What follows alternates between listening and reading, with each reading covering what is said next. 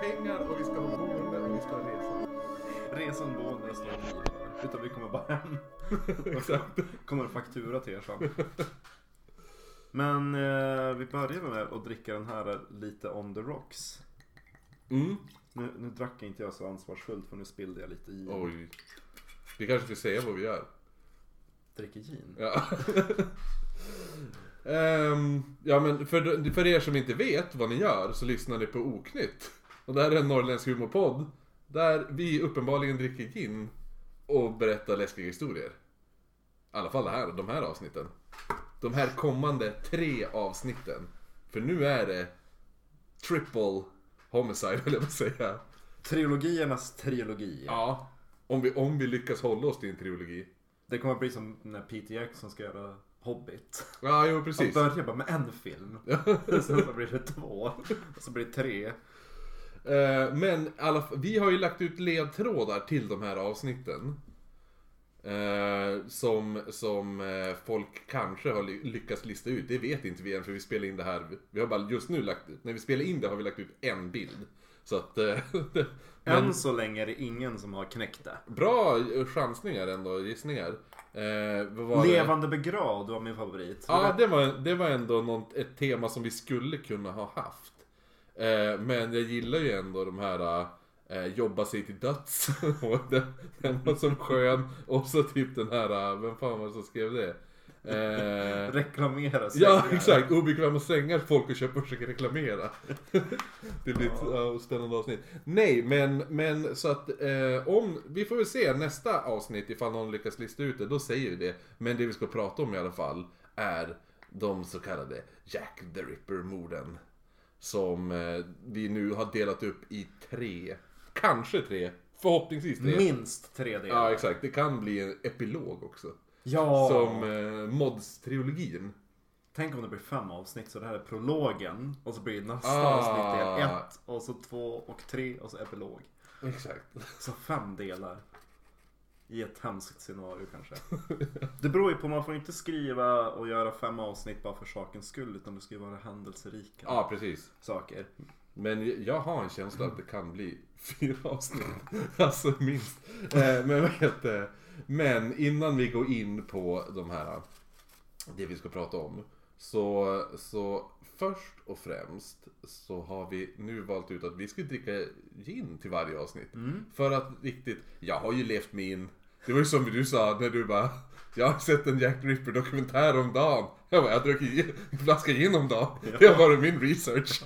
Ja, jag, jo men jag snittar typ en dokumentär per dag. Ja. Och du bara, men jag har snittat en flaska gin om dagen.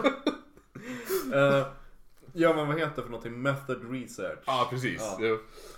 Nej men tanken är ju att det här första avsnittet ska ta oss in i Jack the Rippers värld. Mm. Alltså att vi ska kunna få en inblick i hur 1800-talets eh, viktorianska London tedde sig. För det ser ju väldigt olikt ut sig mot för hur eh, mycket fungerar idag. Bland annat så var ju polisväsendet helt annorlunda.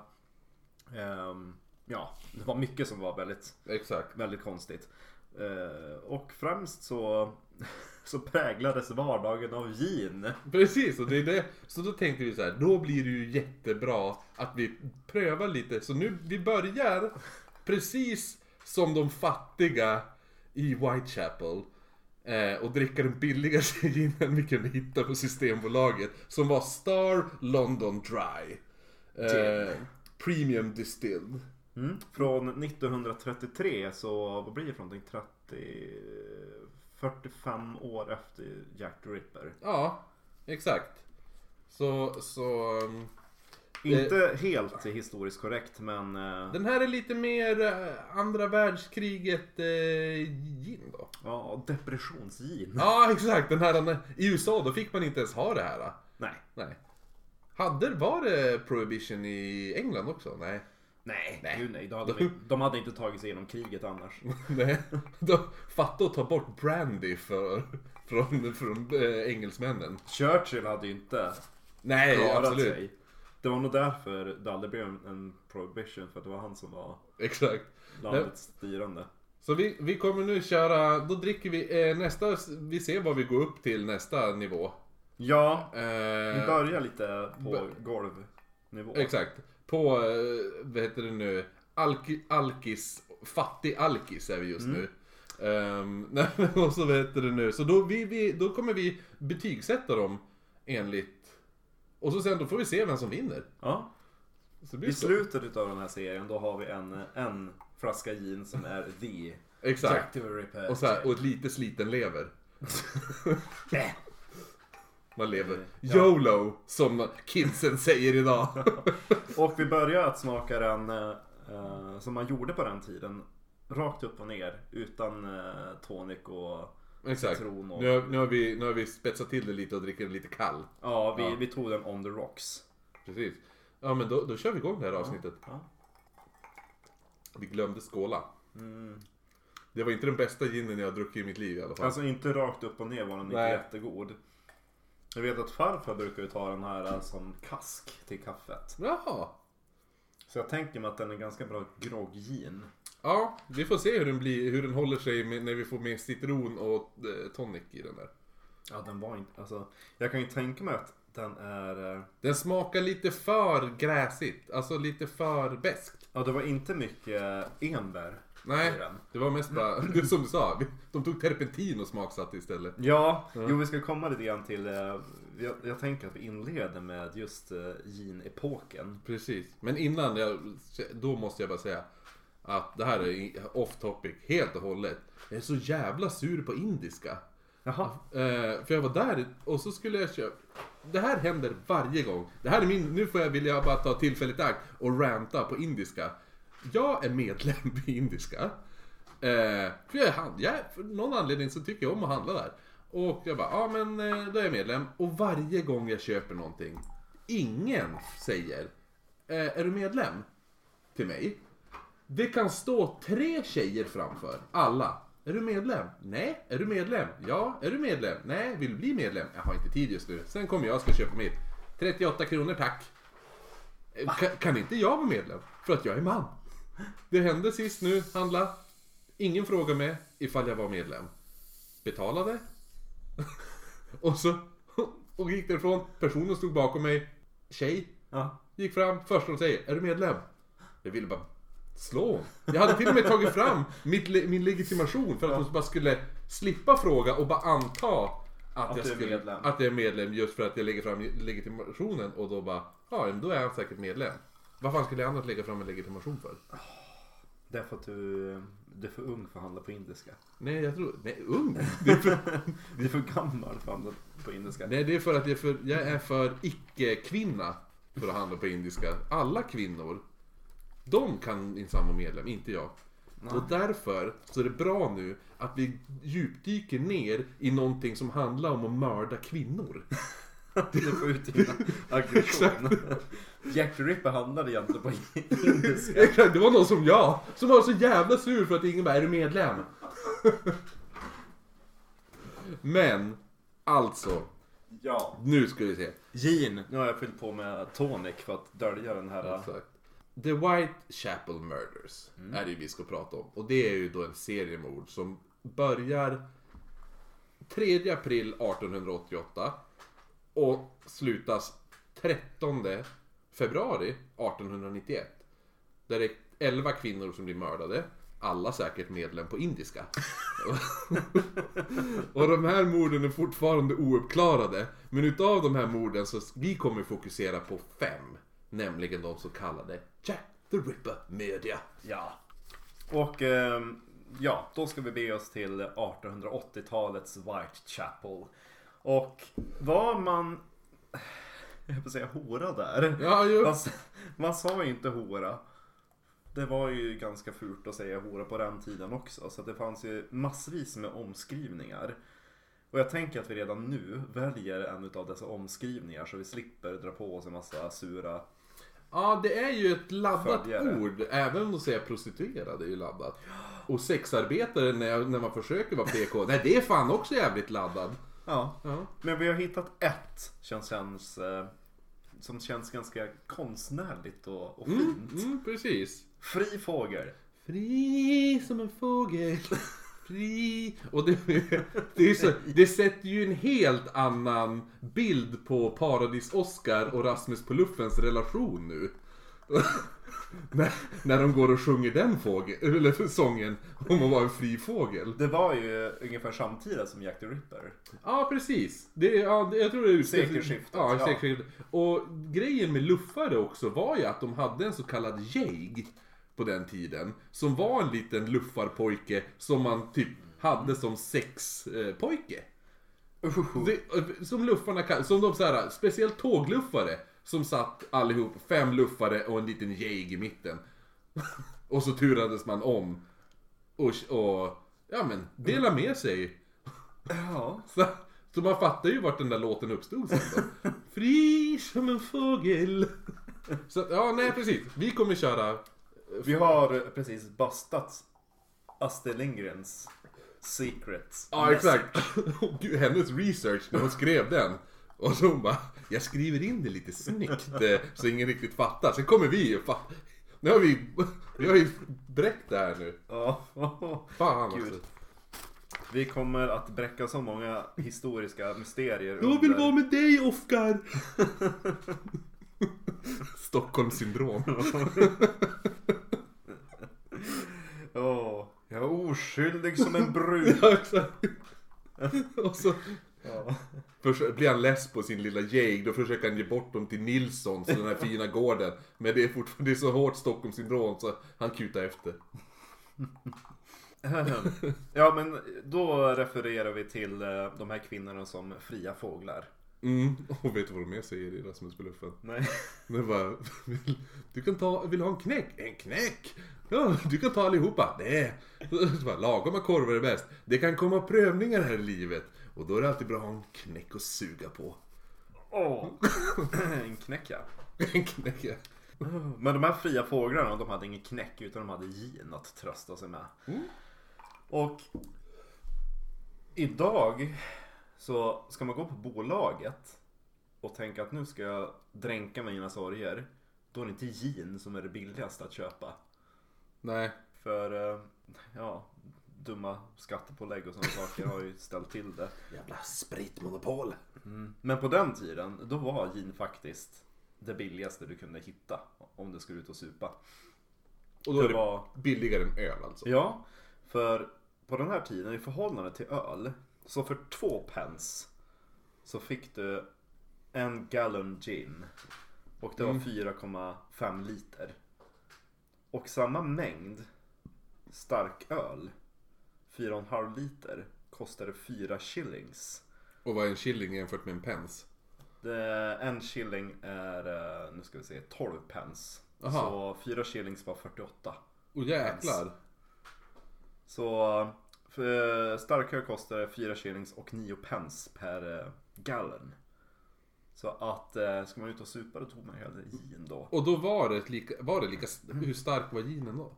Det var ju starkare. Än vad det är idag? Ja, ja, ja.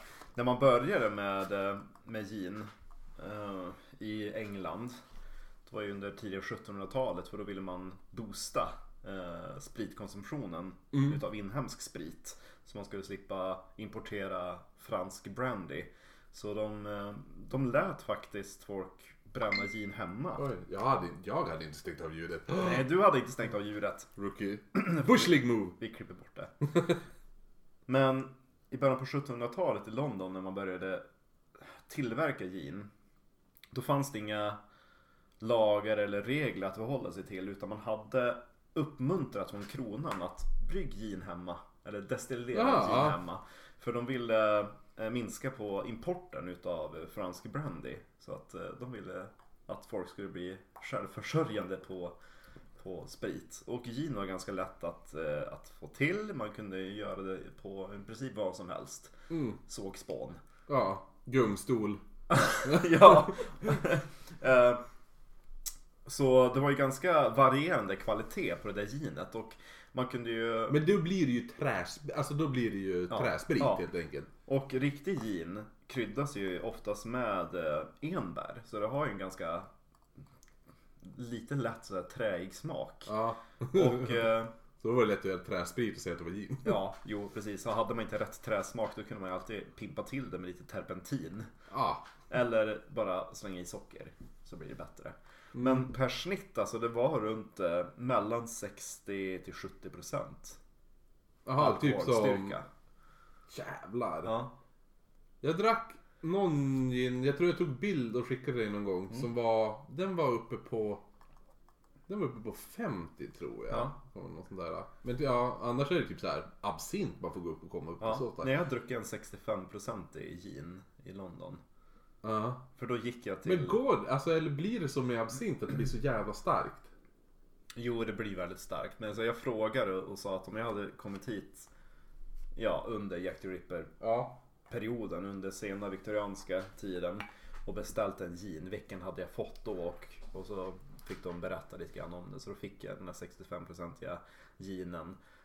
Som, eh, eftersom den var så stark så behövde man ju söta den. Så då hackade de ju lös socker från en sockertopp. Det var verkligen så här hipsterställe. Eh, och så fick jag eh, lite is som man kunde späda ut den med i så fall. Mm. Men eh, ja, jo men den var, den var faktiskt god. Men det var ju en... Eh, ja men det, det är inget man dricker en halv liter på. nej, gud. Och eh, under 1800-talet och eftersom folk gjorde gin hemma och kvaliteten var så pass dålig och folk var ju blind och, och ja, Jo för det finns ju en anledning bara för att man säger så här blind drunk. Ja. Och det kommer ju från att under så här prohibition-eran i USA att folk bryggde, eller distillerade hemma och gjorde träsprit och söp och så vart de faktiskt blind. Och sen dog de. jo, men det löste mycket problem tänker jag. Var man arbetslös, deprimerad, då jag vill dö. Ja, jo det är sant. Man fick fylla och död samtidigt. Ja men det är såhär, the way to go. Ja, gud vad hemskt. I alla fall på 1800-talet, för alltså man, man söp ner sig ganska rejält. Under 1700-talet när de här eh, hemmabryggarna höll på som värst. Och eftersom man fick göra det hemma själv så kunde man ju ha väldigt eh, billiga priser. Och anledningen till varför det var betydligt billigare än öl, det var därför att de som bryggde öl, de behövde ganska stora lokaler, man skulle ha arbetare, de skulle ha löner, de skulle ha mat, de skulle oftast jobba on site och ha sovrum och allt vad det var. Så det var därför det var så betydligt mycket dyrare med, med öl. Och öl kräver ju ändå ganska bra skillade bryggare för att få till. Jo Men, alltså det, eh, det gäller ju, alltså jag så här, dabbled in some brewery business myself. Eh, att bry, brygga hemma och sånt där. Renlighet nu, alltså det är ju väldigt hög nivå på renlighet för att det får inte bli, alltså för då, vad heter det nu, då kommer det smaka förjävligt ifall Ja. det blir så kontaminerat. Jo precis och gin och starkt sprit är ju betydligt, där kan du inte vara, behöva, behöver vara lika. Nej alltså då dör ju alla jävla Ja. bakterier och skit. Ja precis, men så på 1800-talet man hade börjat reglera det där och man behövde faktiskt ha tillstånd för att brygga gin, då blev det lite bättre. Och för att visa på att det var extra fin gin, då brukar folk inte bara destillera det en gång utan två gånger eller till och med tre gånger. Jaha, oj. Bara för att kolla, det här är helt säkert. Helt rent och Ja. smaklöst. Och det var då det blev finare att dricka dry gin som vi dricker nu. Vad är, dr- vad är, vad är? Vad är dry gin och vad är vanlig? Det var lite grann där från den här tiden när det var sämre ginkvalitet man behövde söta upp den. Mm. Så då var det söt gin. Jaha, Och okej. dry dry gin, gin. ja. Ja. eftersom den var, den var finare och renare. Som sagt den kunde destilleras upp till typ 3-4 gånger. Då Ja. behövde man inte dölja några smaker. Nej, utan den nej. var liksom ren och torr som den var. Så det var eh, ett sätt att visa på bra kvalitet. Så då därför var det populärt att dricka torr gin. Jaha. Men den här gamla sorten som man drack på 1700-talet det kallas för typ Old Tom. Ehm, och många av de där flaskorna hade typ en svart katt som, som symbol. Det var lite olika historier till varför Old Tom blev en slags symbol för, för gin. Men på vissa av de här lönnkrogarna där man fortfarande serverade hembränt gin. Då, då använde man den där kattsymbolen för att markera att här, här har vi Jag tror du skulle bara, då, då brukar man använda en katt i själva destilleringen. Man kastar ner den. Ja, man kan, man kan göra gin på precis allt. Ja exakt. Kattungar. Is this dry gin? No, it's a cat gin. Nej men sen typ att eh, det var, det, det är lite sketchy men det var för det kallas för Old Tom. Men, eh, men Dry Gin, är den här nyare, finare, populärare eh, ginsorten som kom till under 1800-talet. Men alltså jag på tal om kattgrejer och Whitechapel. Ja. En av, alltså det kommer vi, jag vet inte om vi kommer nämna det men jag, vet, jag smånämner det nu. I Mm. ett, på ett av morden, eh, Jack Ripper-morden, skedde på, i en så här liten eh, innergård. Mm. Eh, och föreståndarinnan eller vad man ska säga, eller typ hyresvärden eller något så här, till den, eh, det huset där bo- eh, hon, hon livnärde sig som typ cat butcher. Ja, precis som, eh, som eh, vad heter hon i, eh, åh gud vad heter hon i Sweeney Todd? Mm. Eh, Mrs Lovett. Ja, men det måste ju säkert vara baserad på, alltså. Ja, jo, jo. I och för sig var det inte hon som gjorde kattpaj utan Nej, nej, nej. Men, Jo, men, men- fortfarande. Men hur kan man livnära sig på att sälja kattköpt? Alltså, Ja, något måste man ju ja, göra. ja, ja. Något måste man få i sig. Ja. Varför inte lite katter? Eh, men mellan eh, 1720 till 1751 då drack genomsnitts-Londonern en halv pint gin om dagen. Och då är det typ 70-procentigt. Ja, Ja, och, då, och det är snitt per skalle. Och då, ja, ja. då är det ju ändå inräknat barn här. ja. Ja. Jo, jo, det står också att, att, eh, att ginskonsumtionen för barn låg inte mycket under den där nivån. är det sant? Ja, Så stört. Jo, men, ja, eh, och då, och då det, finns det ju också folk som var nykterister på den här tiden. ja jo Ja, precis. så, att, så att av de som drack så drack de ju säkert så här, en sjua om dagen. Ja, precis. Tänk dig, det var ju som sagt snitt och då brukar jag alltid ligga lite, lite lägre än För eh, London var ju ändå så pass stort så det fanns ju slumområden de säkert drack mer och Ja, precis. Vissa, vissa körde en liter om dagen säkert. säkert. Som, jag, det som min research. Ja. ja. Ja, jo men det, det var eh, deras, eh, vad ska man säga, bas eh, in, intake. Det var gin och katter. Och, exakt. och då är det så här, mm, man förstår kanske varför medellivslängden inte var så jävla hög. Och varför de såg så sunkiga ut. Jo, exakt. Ja. ja, men återigen, nu ska vi fortsätta måla upp bilden utav eh, drottning Victorias England. Mm. Det går bra nu kan man säga. Ja, fast, fast det är ju väldigt smutsigt också känns det ju som. Ja men alltså, man får ändå tänka att nu är det, London är typ på topp. Ja, Det blir inte bättre än så här. Det brittiska imperiet täcker ju fyra femtedelar av jorden hur det är. mm. Och, eh, och eh, de första Atlantångarna började korsa Atlanten, den industriella revolutionen. De vinner kukmätartävlingen. Ja, Ja. ja. Det, den enda lilla liksom, nackdelen var ju det att de kanske tappar Amerika. Men ja, Ah, ja, ja. ja jo. Nej. Man såg Man hur, det gick, man- hur det gick för dem. Ja, Ja. precis. Man kan inte få allt. Nej. Ja. Och ja, men just där på, på 1880-talet är det lite grann som att man står med foten i, i det här gamla 1700-tals England. Mm. Där man eldar med kol och gas. Men nu börjar man också dra in elektricitet. Eh, man börjar fotografera. Det är verkligen så att man börjar närma sig 1900-talet men fortfarande så Ja, Hela, hela, hela världen har inte riktigt hunnit med. Man har Nej. fortfarande ganska primitiva mm, polisstationer eh, stationer och Ja, för grejer. det är väl typ det här polisstation, alltså själva begreppet att ha en polis, alltså så här en stadspolis, Mm. är ju typ bara 1880, då är det typ bara 100 år gammalt. ja. Alltså, och 50 år sedan Mm. var det typ, de, alltså London fick en så här uh, Metropolitan, poli, alltså den, en polisstyrka är Ja. typ bara 50 år gammalt eller Ja. sånt där. För eh, samtidigt som Jack the Ripper var här i Whitechapel då brann ju Umeå 1888. Precis. Och det var inte först efter den stadsbranden som Umeå fick sin första polisstation. Aha. Innan dess hade vi ingen polis. Så att det är också ett exempel på hur, hur det såg ut kanske i Sverige och i andra delar utav världen. Exakt, då, var, då tänkte den polisstationen ha, he, hela Norrland eller? Nej men det var åtminstone hela Västerbotten Ja. som. Ehm, Och eh, man började, alltså London har ju alltid varit en stor stad i Europa i flera hundra år. Men nu sväller det rejält åt Mm. alla håll och kanter. Så East End, som tidigare varit slumområdet, Mm. Där börjar man ju rusta upp nu. Ja. Och, och det ligger ju ändå ganska nära centrum så att nu ska ju det nytt finare folk få flytta in där. Och eh, slöddret, de, de trycker man liksom längre ut bort i förorterna.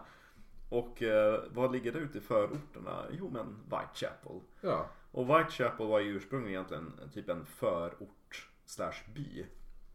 Som vi Eh. sa också. Någonstans, ja, någonstans ska man ju bo. Ja, Ja. Ja. Men det är, väl, det är väl, om för att jämföra lite, är ju samma sak som de gjorde med, i Stockholm, med Söder. Mm. För Stockholm på den tiden, eller på den tiden, alltså gammalt tillbaks. När man pratar om Stockholm och, och stan. Då är det det vi kallar idag Gamla Gamla, stan, stan. ja. Det var ju Stadsholmen. Mm. Det var där, det var det som var Stockholm. Ja, exakt. Och då när, det, när de började, det, det vart populärt och folk flyttade dit. När de kom från Dalarna, de jävla piskarkärringarna. när, när alla influencers ja, skulle... exakt. Fe- Feta. Gamla tanter som bakar, som livnärde sig på ro. Ja, de, när de kom. Då, Rokärringar. ro, exakt. Då, ja, då tryckte man ut alla Mm. till sö, all, alltså packet. Fick hamna på söder och, och i London fick packet hamna, I Whitechapel. ja. Och vi hittar en väldigt bra liknelse mellan eh, eh, Whitechapel och Södermalm. Mm. För eh, idag bor det, hur var det nu? 126 000 personer på Södermalm. Mm. Och Södermalm är ungefär 5,7 kvadratkilometer. Ja.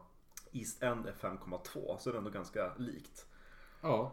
Men under eh, 1880-talet då den här förändringen skedde på samma area då som Södermalm bodde det dubbelt så många personer, 250 000. Och eh, utav dem så var 3 500 hemlösa. Det är ändå sjukt. Ja. Alltså, och då, och då, ja, och då var det ju också typ, det var ju East End. Ja, Och då, och, alltså, och East End lika stort som Södermalm. Sen Whitechapel, den delen är, är ju ännu mindre. Ja, eh, precis. Nu blandade jag ihop det så att det var East End som är lika stort som Södermalm och Whitechapel är lite mindre. Ja. Eller betydligt mycket mindre. Det är 1,7 kvadratkilometer. Och på den ytan har man packat in 76 000 drygt. Och förmodligen var kanske de alla hemlösa var ju där omkring. Alltså, Ja, det är lite så give or take. Eh, för många av de här, när vi sa att vilka var, det, vilka var de här slöddren då som hamnade i Whitechapel? Mm. Eh, som vi sa så var ju London the place to be på 1800-talet. Ja. Ah, det var den största staden i världen. Eh, som sagt, vill man bli influencers, då, då flyttar man dit. Nej, men ville, man, ville man göra någonting i världen, liksom vara där, där sakerna skedde, då var det i London. Mm. Då är det lite grann ungefär som med guldruschen i Amerika, att alla tog chansen att åka dit. Men sen så var det inte riktigt så lätt. Nej, du skulle ha jävla tur. Ja. Ja.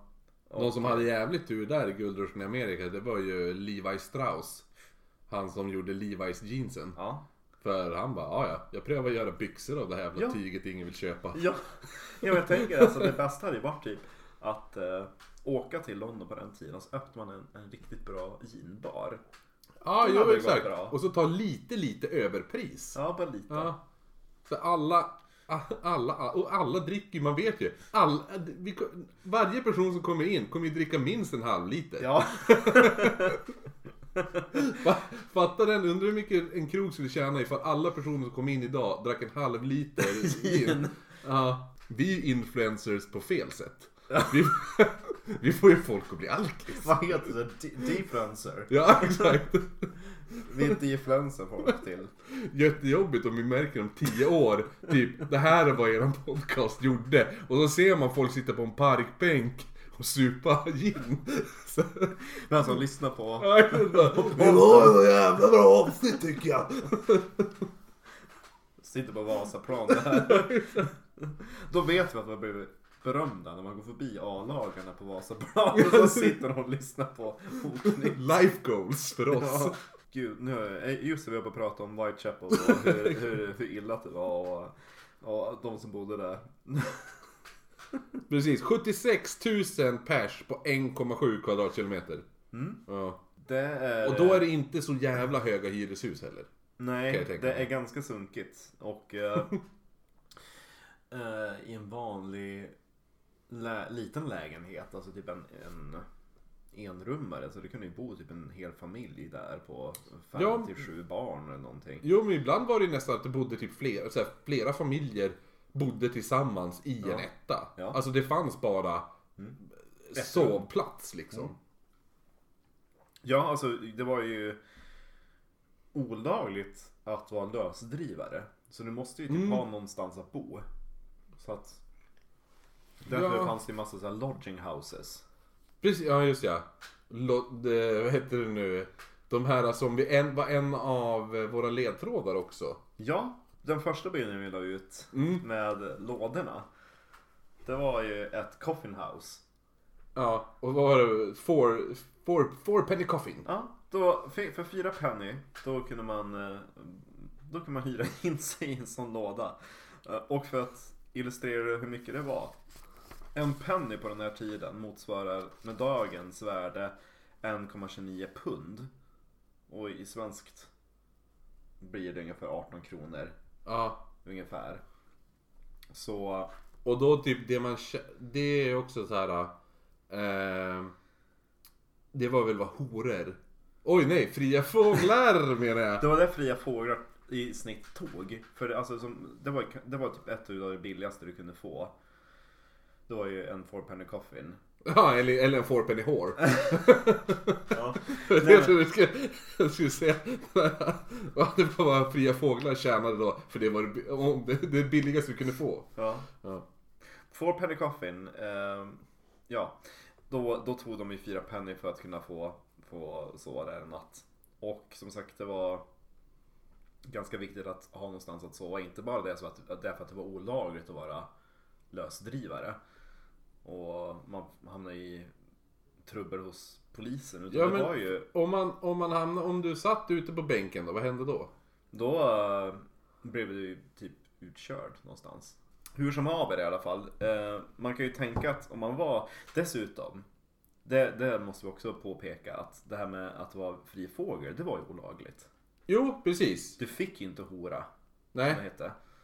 Men det var ju bara olagligt ifall du var påkommen. Ja, de var ju, poliserna var ju inte så de, de var, hade inte direkt hår, hårdhandskar mot de där kvinnorna utan det var ju bara att om de gick in i en gränd och du stod där med byxorna neddragna Då var det inte så mycket de kunde göra åt saken, då var de ju tvungna att arrestera dig Ja, om inte polisen själv var kunden. Ja.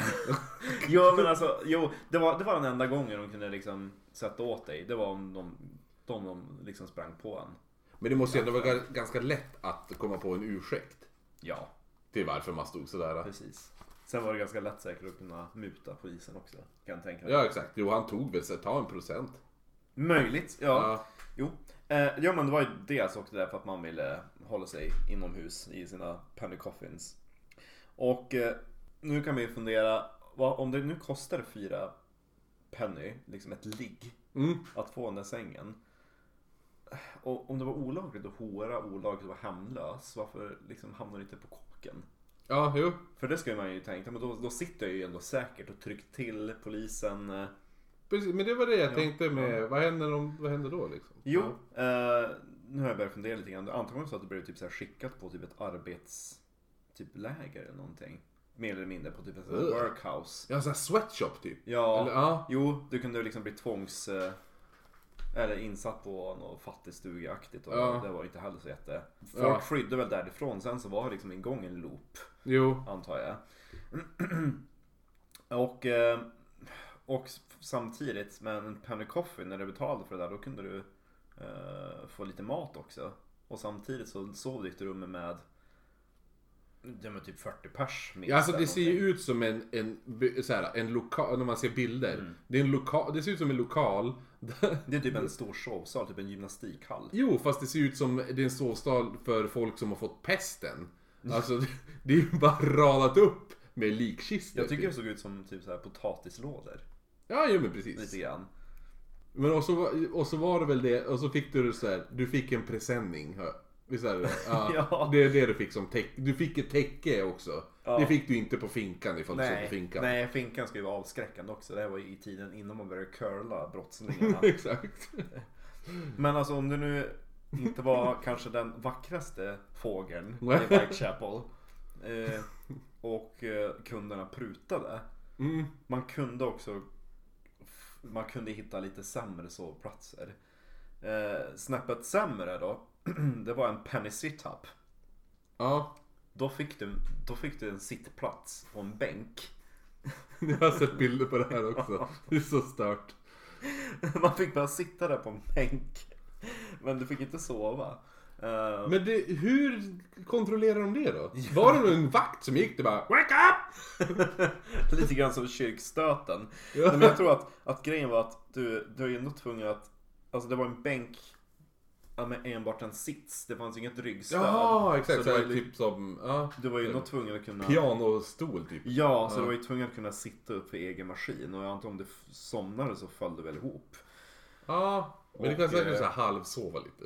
Ja, jo. Sen så det var väl inte jättebra dokumenterat hur alla de här äh, grejerna gick till. Men så var det att, att du, du betalar för att bara få sitta. Uh, a penny sit up.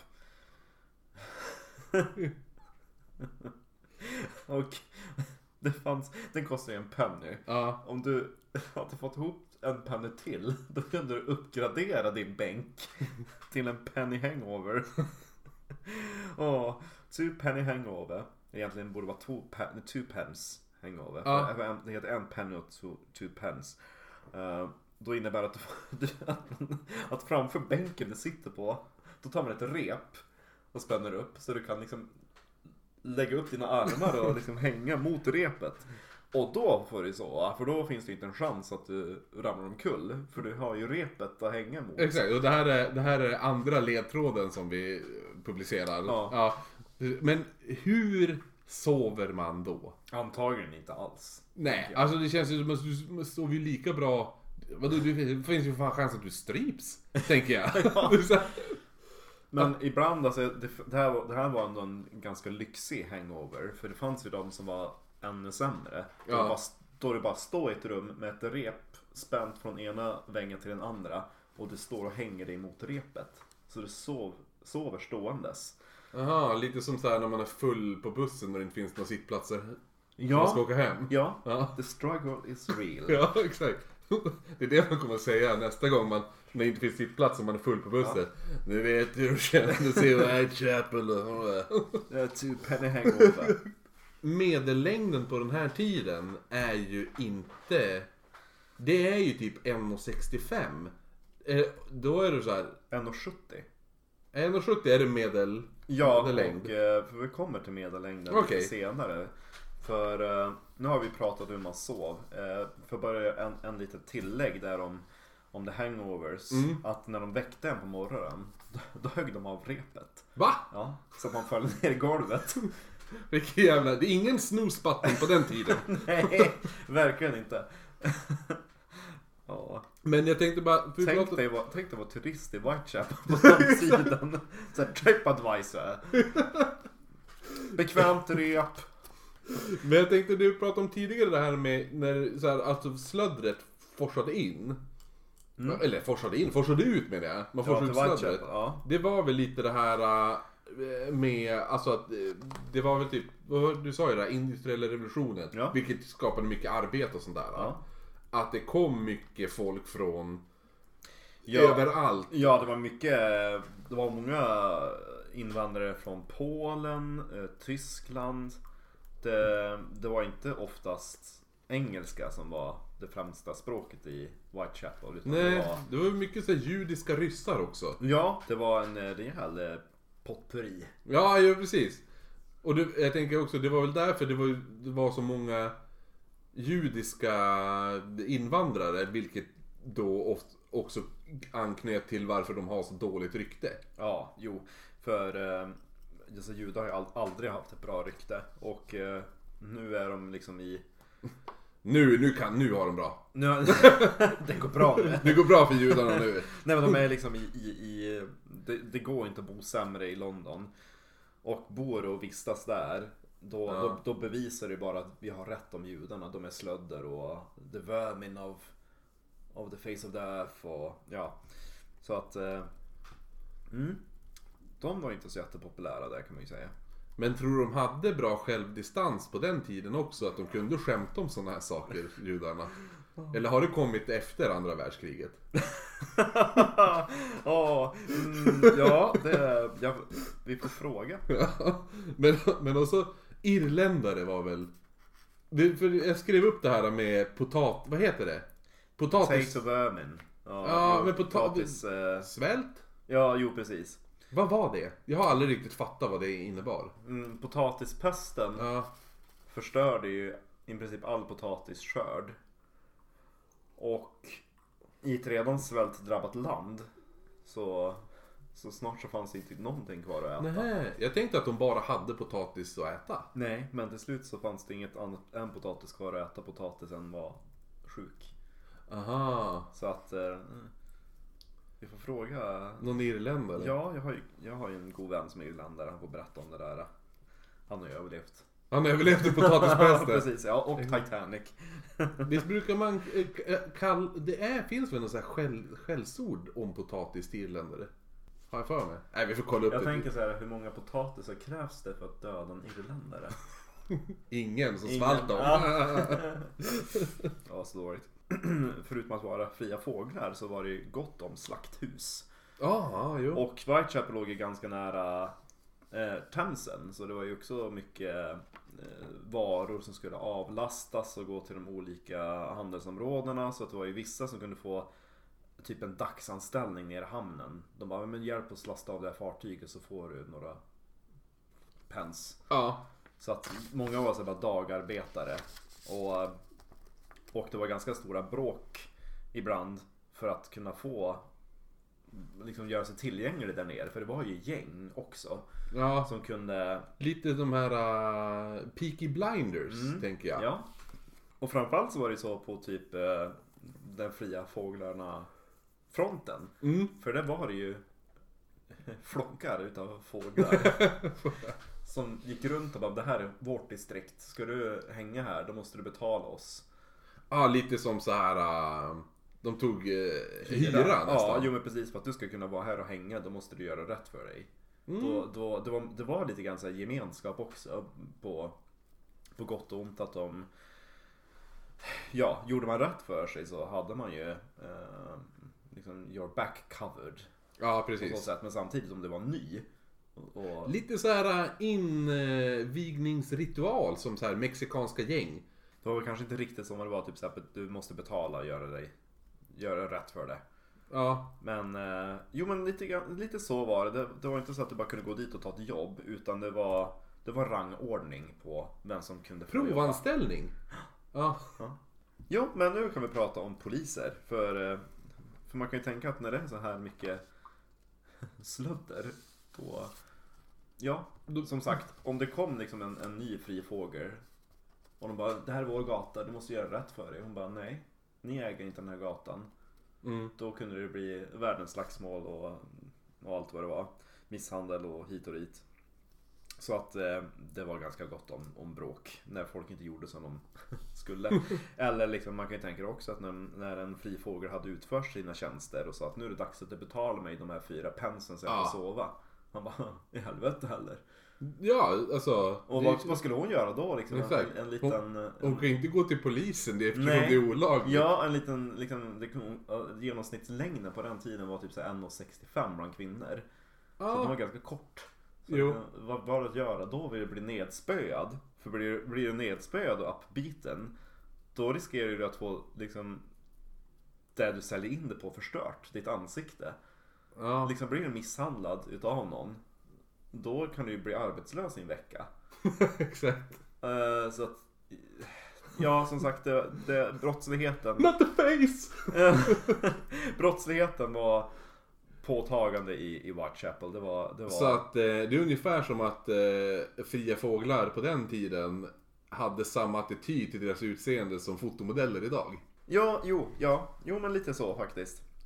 Och så kunde ju ifall de spöade skiten ur de inte ville betala och spöa ner dem. Då kunde de ju ta det de hade tjänat tidigare. Ja, det var ju verkligen... Det var också lite därför eh, man levde ur liksom hand till mun. Det var inte säkert att gå runt... Ja, det, jag, tänkte, jag tänkte på något helt annat. Det var därför det inte var så säkert att gå runt med liksom flera dagars inkomst på sig. För det kunde du ju förlora lika snabbt. Så då investerade de det i gin. Ja! Ja, precis. Så att, eh, så var det. Gin eh, fanns alltid där. Och trösta dig. Exakt. Jag vill inte bli rånad, bäst jag super upp pengarna. Men, också, men polisen var ju, de var ju inte populära. Nej, alltså man, kan, man borde ju egentligen tycka att de ska vara populära där för att de kommer att se till så att folk inte har ihjäl varandra. Men, men folk tyckte att de la sig i deras affärer. Ja, exakt. ja, kommer du förstöra mina, mina fågelfasoner? Jo, men jag, jag, jag läste någonstans också att det var så här. Det var typ eh, ifall det var någon där någon kanske skulle bli arresterad. Då gaddade folk ihop sig mot polisen. Och blir typ såhär, ja men jag går i god för honom. Nej men att det vart mer ett medborgargarde och att de försökte eh, hämta ut personen som blivit fängslad. Det är också väldigt fint. De har en slags gemenskap där i Whitechapel. Ja, sladder... Pack... Packgemenskap. Men också var det ju så här, ingen ville ju vara polis i Whitechapel. Nej, nej, nej, nej. Det var, det var ju som... Först och främst, ingen ville vara polis. Nästan. Och, och det, var, det var väl det var typ svårt att bli polis också. Vad var det du sa medellängden var? Medellängden Ja. hos män på den här tiden var 170 cm. Och för att bli polis, då var du tvungen att vara minst 175. Så det var minst 5 cm över genomsnittet. Mm. För att det liksom skulle kunna vara stor och imposing. Mycket handlar ju om att man skulle kunna avskräcka folk bara med sin blotta närvaro. Ja, ja. oh jävlar vad lång det var. Det är lite 175. svårt, det är lite svårt att vara så här undercover civilsnut på den tiden. Jo, det var det de typ sa. Vi kommer till det i ett senare avsnitt. Men när poliserna började försöka få civil cred. uh, Och det roliga är att, att eh, genomsnittslängden var ju då Mm. 170 cm och för att bli polis var det tvungen att vara 175. Mm. Genomsnittslängden på män idag i England Mm. är 175 cm. Jaha, okej. ja. Så att alla kan bli poliser. Yay! Men jag har för mig att det är, jag borde egentligen kolla med min lillebror för han är ju faktiskt polis. Men eh, att eh, i, på, han är polis på Söder också i Nej, Stockholm. vad kul. I Whitechapel. Ja, exakt. I Sveriges Whitechapel. jo, Söderpolisen. Eh, så att, nej men, jag har för mig att det är, finns i Sverige också att det finns typ en mi, minimilängd för att bli polis också. jag Ja. mig. Men jag tror inte att det är fem, fem centimeter Över. över eh, genomsnittslängden för en man. Men också hade de väl typ, och en sån här hög hatt på sig också. Ja, jo precis. Så de är, de är, de är fem centimeter, minst fem centimeter längre än genomsnittslängden. Ja. Plus att de har en hög hatt på sig. Precis, jag ska bara kolla lite snabbt vad de heter. Det heter såhär Bobby Hat eller någonting. Ja men det jo de kallas väl för bobbies. Det var väl dels för att de var så hög. Och för att de skulle synas på långt håll om man behövde Ja. få tag i en polis. För på den här höga hatten hade de ju typ sin polisbricka. Ja. Som liksom sken som en sol över alla huvuden. Så att eh, det här var ju som sagt i tider innan det fanns telefoner. Så du kunde inte liksom bara ringa efter polisen. Utan du, du ropade efter polis och hoppades att, att du skulle se den där blinkande hjälmen någonstans på avstånd. Sticka ut som en europé bland kineser. Mm. Ja. Ja. Så det var väl lite utav flera anledningar till varför de skulle vara lång och, och ha liksom på sig synliga hattar. Idén om en polisstyrka är Ganska ny. ja, väldigt ny. Bara 50 år sedan de så här, mm, hade en stadspolis, egen stadspolisstyrka. Ja, för eh, vid den här tiden, när vi snackar 1880 70, det är då man börjar anlägga Scotland Yard också. Precis. Ja. Så eh, det är nytt där med polis. Man vet inte riktigt om man gillar det eller inte. Nej, men också just vad de kallades. På den tiden som var eh, Blue Devils. Kallades de. Och The Bludgeon Men tycker jag är ett bra smeknamn. Vilket känns som så här. Ja, vi förstår vad polisen gjorde på den tiden. Ja. Eh, men en som jag inte förstår är Raw Lobsters. Nej, det förstår inte jag heller. Jag har försökt googla efter vad, vad Raw Lobsters skulle komma ifrån. Men... Jag tänker om det är det här att de haffar någon, att de tar någon och så raw lobsters är ju svarta. Ja. Att de är mörk, alltså att det är Och något griper sånt, tag, griper tag och alltså de har klor. La- Alltså, Nu är det, nu är det snillen spekulerar. Ja, i lag, istället för lagens långa arm, lagens långa Klo. klo. Det känns ju rimligt faktiskt. Ja, att det är någonting där. Men poliser också, så många, som jag kollade upp det här, hur många poliser det fanns på alltså de 250 000 i East End. Mm. Så är det 500 poliser. Det är ganska kört då, känner man. Ja, Och då är de inte ute... och då är de inte omtyckt heller. Nej, jag tänkte också att de inte är on duty alla 500 samtidigt. Nej, nej, exakt. Utan Nej. du får ju... Skift. Ja, då är det ju tre skift. Mm. Och så jobbar man ju kanske inte varje dag. Nej, precis. Så att det är inte det... Är inte det ja, nej. Nej, i allmänhet kan man väl säga typ att alla officials var ganska illa betrodda på den här tiden. För, för läkarna, de trodde man alltid var ute efter typ ens kropp. Att de ville typ så operera och... Ja, och- precis! Utföra experiment. ja, så gick man till läkaren bara, men liksom, ja men jag har lite ont i huvudet. Liksom, kan det vara migrän? Bara, nej, nej vi måste, vi måste amputera huvudet. Ja. Och så måste jag skära upp det och kika på hjärnan. Men det var ju också lite, men för grejen var, det fanns ju även någonting som kallades för ghouls på den här tiden. Som var i princip gla, glavplundrare, gravplundrare. Ja, bod- body snatchers. Precis. Eh, och de, det var ju oftast för att de stal kroppar för att ge till läkare. Läkare, ja. Som skulle kunna använda skelettet för de- Dels ville de göra experiment, eller vad man ska, inte, Mm. inte så här, inte Frankensteins monsterexperiment, men lite det här, Ja men allmänt, man visste väldigt lite typ om hur kroppen fungerade. ja, Och om jag minns rätt på den tiden så hade staten sagt att, att eh, läkarhögskolorna på den tiden, alltså universiteten, de fick typ bara två lik per år. Ja, att, ja, exakt. Att, eh, att tillgoda liksom, se sina studenter med. Och eh, hmm, de bara ja, vi, vi kanske kan köpa in det lite svart istället. ja, För eh, de tänkte, ja men det finns ju så mycket folk som ingen kommer sakna. De som har blivit avrättade. Ja, men alltså om folk kommer med kroppar, no questions asked. nej precis. Men det, jo, alltså, Ja. men det, Så- fi- det är ju lite det här att Ja men för, för de, de här body snatchers eller Ja. ghouls som de, de anställdes då av läkare för att, och det, det var ju extrema priser man betalade. Du kunde få typ hela, alltså du kunde få typ en årslön på ett Ja. lik. Exakt. Och, och det är det som, eh, nu bara för att återknyta knyta en teori, så här, suspect teori som är den dummaste som finns.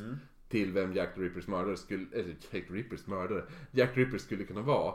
Alltså seriemördaren H.H. Holmes Ja. eh, i USA. För han livnärde sig ju väldigt mycket på att sälja eh, k- eh, skelett. Och det var så från personer han mördade. Mm. Så därför kunde han driva sitt lilla mordhotell. Just det. Ja. Han var Eh, lite grann som, eh, som Sweeney Todd där. ja precis, för han... De är åkte ga- ner typ i en fallucka ner i källaren. Ja, alltså han, det är så himla intressant hela grejen med H.H. Holmes är ju att han, när han, han, det är han själv har ju ritat upp huset. Och han gav ju, han anlitade ju några personer. Här, ni ska bygga den här lilla delen. Så de får bara en liten ritning av det de ska bygga, Ja. av huset. Ja. Eh, för, att, för att han har ju designat hela huset. Ja. Och de får bara en liten del av det, en liten pusselbit. Ja. Så de vet ju inte ens vad de bygger. Sen när de byggt det, han bara, ni byggde fel, ni får sparken, ni anlitar nya. Sen får de, de bygga nästa pusselbit. Och det var så han lyckades bygga hela det här äh, mordhotellet. Ja, det är coolt. Eh, Han eh, förtjänar ett helt avsnitt själv.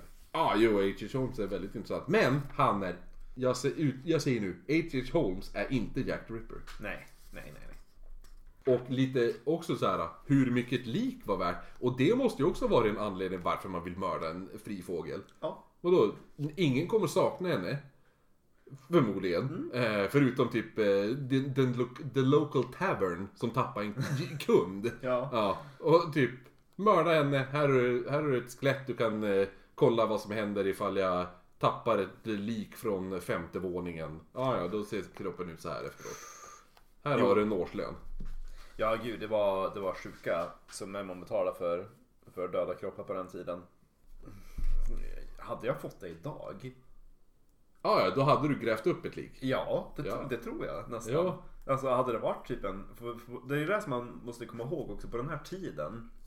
Samhället gick inte runt med attityden att alla människor är lika värda. Nej. Det var ju verkligen inte ett PK-samhälle. Så att de som blev mördade, hängda, de som hårade, alla de var ju liksom syndare på ett sätt. Om man såg ner på dem. Så gick du och grävde upp det liket och sålde det vidare. Du hade inte det minsta liksom, sympati för dem. För du, du hade redan typ så här avhumaniserat dem. För att de, de, var, de var inte värd lika mycket som alla andra. Tillbaka till Whitechapel. Eh, utav de här 76 000 personerna som bodde där Mm. så var 5 000 utav dem eh, eh, prostituerade kvinnor. Mm. Jag älskar också att det står att alla var liksom i 40 plus åldern men såg ut att vara över 60. Jo, det är ett citat. Det är ett citat, ett citat. Och det är också så här. Det är så man beskriver. Jag tror det var en amerikansk resande som beskrev dem som så. Ja. Eh, att, att, Han rekommenderar inte de fria fåglarna i. Whitechapel. och så då är det så roligt att tänka att i Whitechapel 76, på en kvadratkilometer, Ja. nej 1,7 kvadratkilometer, det, då är det 5000 personer som bara, som är, som, som, de är 40 plus, ser ut som 60 plus, äckliga, de har inte duschat på en, alltså, Svarta Sally. Nej, Det- Sally Soptunna. Ja, Sally Soptunna. Den här, inte badat på en fucking jävla vecka och typ eh, hå- hålla på och så står de och försöker sälja sin kropp. Det, Hej, vill du gräva runt i mina sopor? Exakt. Dumpad in. Nej, men, eh, gud. och då, då så här, tänk dig då. U- radien av 1,7 kilometer så står det 5000 personer och försöker sälja sig själv. Ja. Och, alla, och nästan alla ser ut att vara över 60 bast. Och de är smutsiga. Ja. Och tandlösa säkert. Och ginfull. Det är så. Jag tänker ungefär som att gå in på Åhléns i Stockholm. Ja. Och så kommer det fram typ så här 3000 anställda och bara hej hej, vill du ha någon hjälp? Ah, jo den ja. ja. Jo, det är ungefär som, så, så är det att gå i Whitechapel. Om man är Exakt. man. Ja, precis. hej, hej, vill du ha lite, vill du ha lite fågel? Exakt. Nej tack, jag tittar bara. Ska den här fågeln flaxa för dig ikväll? Oj, oj. Nej, ehm, Men undrar om det var någon sån här, um, så här kartellverksamhet, att de alla så här bestämde sig för ett pris. ett pris ja. Ja. De skulle ju kunna ha gjort det, gått ihop sig och så sen bara, vi höjer priset. Ja, faktiskt. Kunde, kunde. Ja. Fanns det ett fack? Ja exakt! Fågelfacket. I, i The London Times. Bara, de fria fåglarna i Whitechapel har gått ut i strejk. De kommer, de kommer inte börja ligga igen först de får fem pence per ligg. Jo men de här äh, fria fåglarna, de... Alltså anledningen till, som sagt vi nämnde ju tidigare att, att polisen kunde ju bara haffa dem om de stötte på liksom horeri i akten.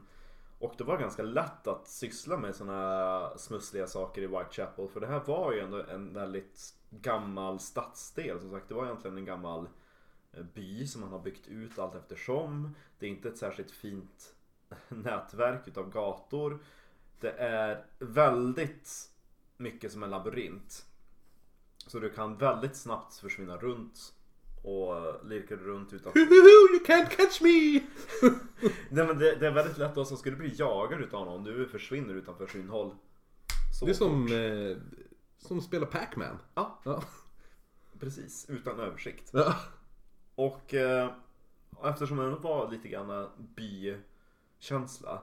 Det var ju inte the fancy side of London utan det var ju dåligt med avlopp så man skottade ju bort avföring, spyor, slakteriavfall och mm, ja, andra saker som Mm. låg längs gatorna varje, varje natt.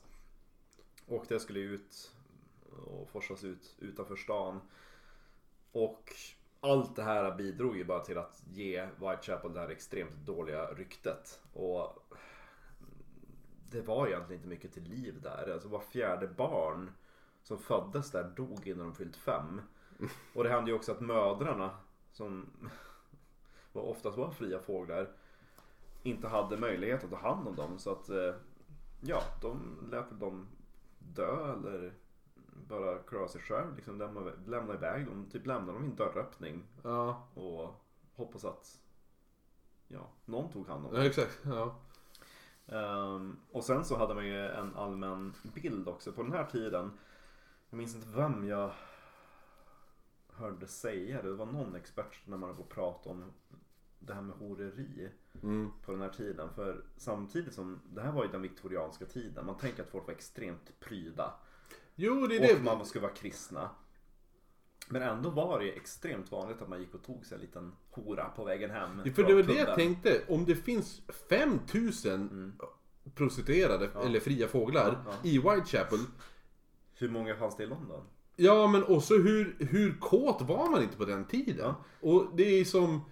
Hur, alltså... Det var, alltså för att mm, ge en bild av det där. Den viktorianska tiden var ju också väldigt romantisk. Man trodde ju att, att jag menar alltså, romantikerna var ju väldigt så här, oh, vi är ett med naturen och Guds skapelse och eh, man börjar gå lite grann tillbaka till, till sitt ursprung.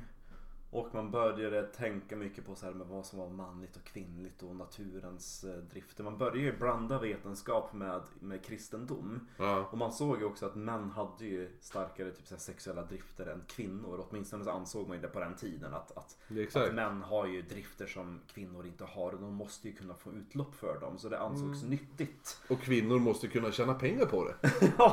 ja, win-win. Ja. Och, eh, och det som jag skulle säga var att om det här, då hade man typ den här, man hade en bild av att man, nej, man sa så här faktiskt att på, på väl upptrampade stigar växer inget gräs. Och det stämmer än idag. Sen så kan man ju tänka att om någon drack en halv pint gin om dagen då föddes det inte så många barn. Nej, nej. Och, och, de, och, de, och de som väl föddes, de dog antagligen. Eller så lämnades och så vart de tiggarbarn. Eller så blev de gin. Ja exakt, de blev gi- Exakt. Men också just det här att komma ihåg eh, det vi... Med att det är en labyrint. Whitechapel är uppbyggd som en labyrint. Och att... För jag har alltid tänkt att Jack Ripper-morden, då är det såna här gaslights. Ja. Vilket tydligen inte stämmer. Jag tror det fanns några men det var att de var ganska sällsynta där. Så att det är ju becksvart. Det är becksvart och labyrint. Folk gick ju runt med små lyktor och Jo, ett av morden vet jag, då var det en person som bara tänder en tändsticka för att se vad, vad fan det är som är. Och så just att det här, Jack, Jack the Ripper, det var ju inte lite blod. Nej. Eh, men man behövde ändå ljus för att se vad som hade hänt för att tänka att ja, men det, är, det är en dö- död person. Så att eh, så pass svart var det. Så att det känns ju inte alls för svårt att bara... Ska vi gå vidare till, vad ska man säga? Jag vill säga förfesten, upptaktningen. Förfesten. upptaktningen till eh, det som kommer att kallas för The Autumn of Terror. Mm, det är så jävla, det är så jävla vackert hela Jack, alltså allting med Jack Ripper är så, vet du, pittoreskt på något sätt. Det är snuskigt pittoreskt. Man tänker ju att man gick runt i den tiden i London i vackra höga hattar. Ja. Men det Kollade på fria fåglar och så drack man gin. och en liten cape hade man också, och en käpp. Ja. Och så bara you do? Hörru. Men det är väl lite det också, men just det här man har ju blivit inpräntad på grund av hela den här äh, Nobel-teorin om Jack the Ripper, om att det var en fin herre. Alltså som hade hög hatt och cape och en käpp och blä. Ja, höga hattar var ju inte så vanligt i eh, Whitechapel. De är plommonstop typ, eller? Ja. Och typ såhär skeppar. Deerstalker hat och... Ja, precis. jo. Vi kommer gå in på hur Jack the Ripper såg ut i eh, något avsnitt. Mm, det kanske ska vara en av eh, ledtrådarna.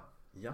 Alltså den här fantomsketchen jag skickade Ja. till dig. Det, för övrigt så är det ganska kul för ibland efter spökvandringen då brukar folk fråga om jag klätt ut mig till Jack the Ripper. Ja, ja, Va? Nej, man vet inte ens hur han såg ut. Nej, men det som var upptakten till eh, The Autumn of Terror. Mm. Terrorns höst. Eller skräcken. Hur ska vi översätta det bäst? The Autumn of Terror. Ja, men skräckhösten. Skräckhösten. Låter lite som ett eh, så här, eh, nå- någon dålig, eh, dålig karusell på någon sån här B1 Gröna Lund-aktig grej i Jag tänk- Finland. Det jag tänker mig är att det är den rubriken Örnsköldsviks Allehanda skulle ha satt när det går dåligt för Modo.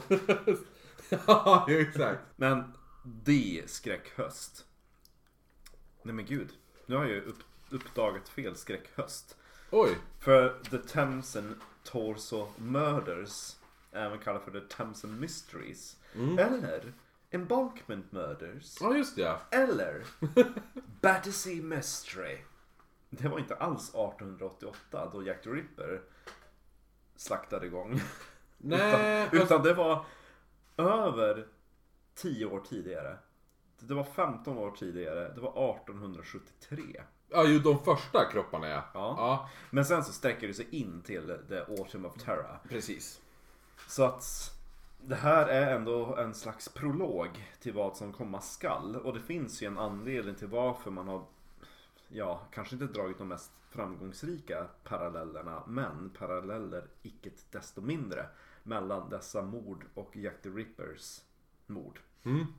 Och det mordet som man först skriver om uppdagades den 5 september 1873.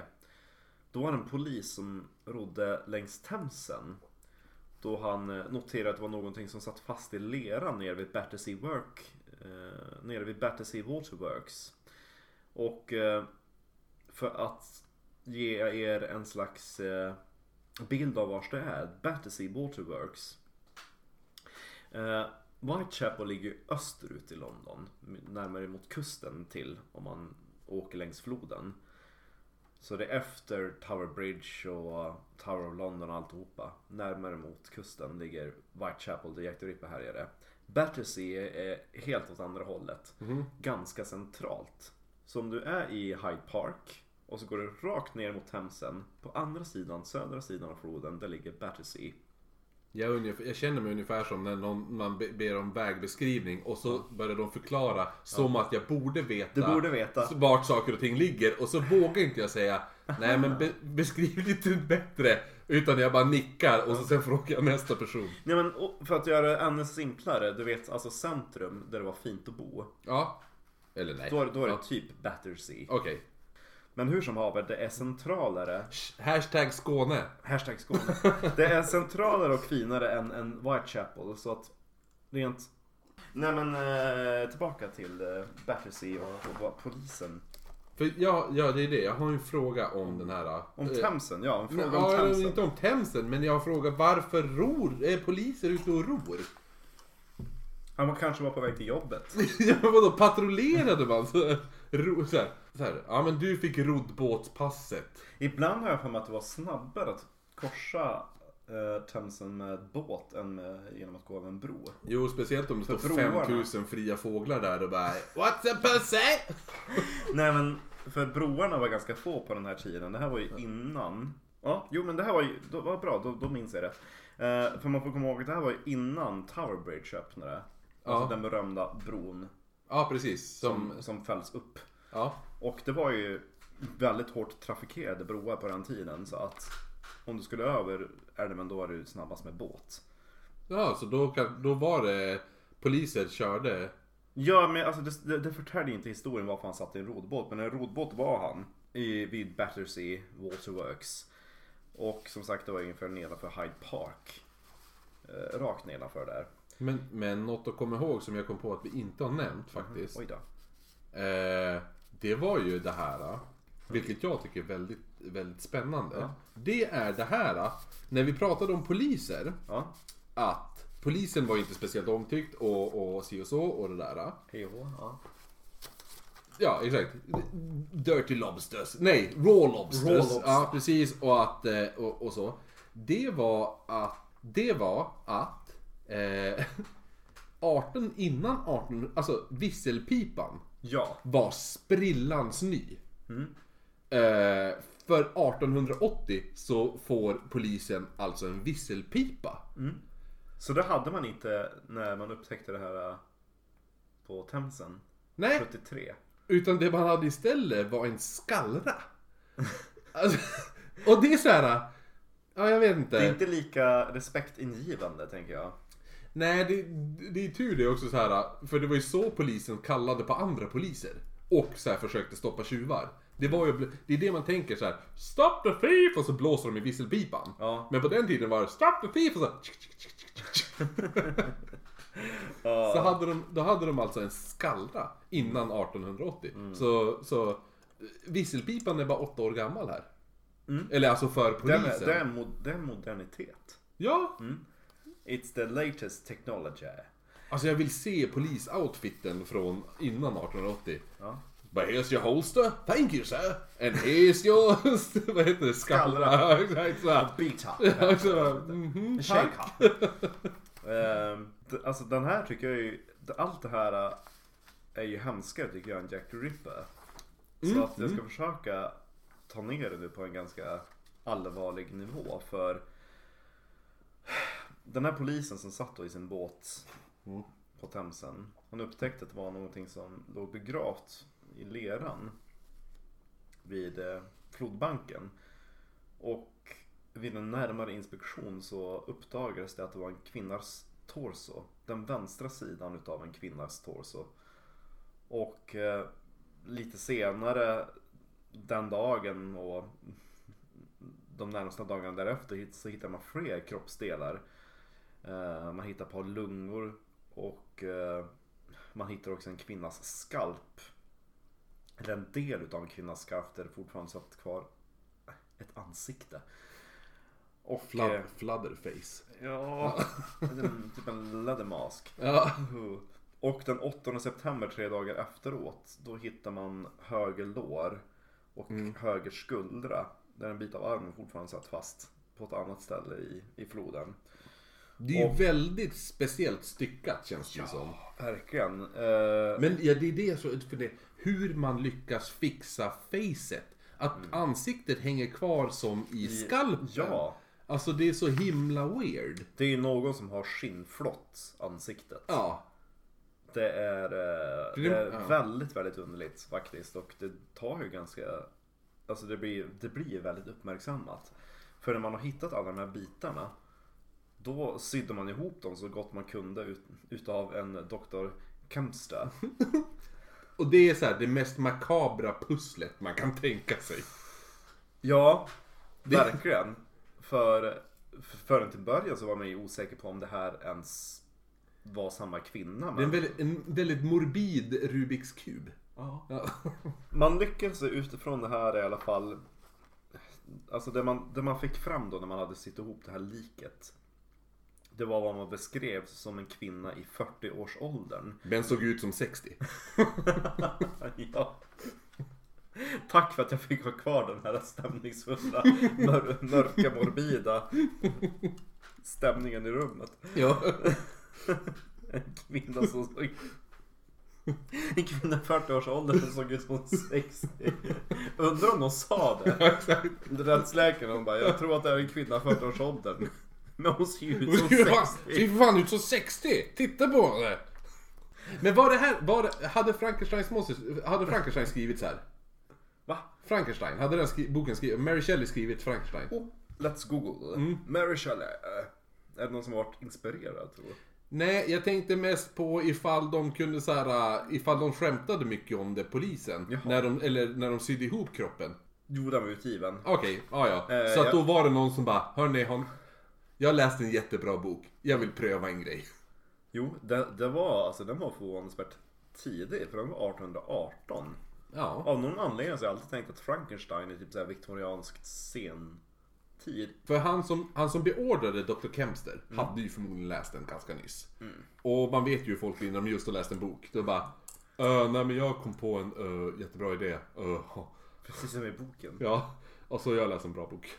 Kan vi pröva, pröva en grej?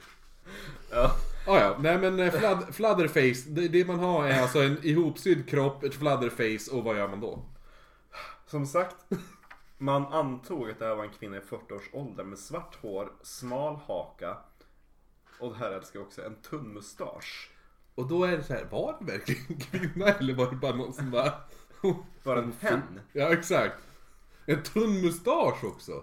Ja, ja som sagt en tunn mustasch och det vänstra bröstet hade ett brännmärke. Och på något sätt utifrån den här skalpen då så lyckades man konstatera att dödsorsaken var ett kraftigt slag mot huvudet. Och eh, det fanns ju gott om folk som saknades. Och eh, många strömmar in för att försöka identifiera den här kroppen. Mm. Och man bara, ja men alltså vad har vi? Vi har typ, ett, vi har typ en halvstyckad kropp. Vi har ett ansikte utan kranium.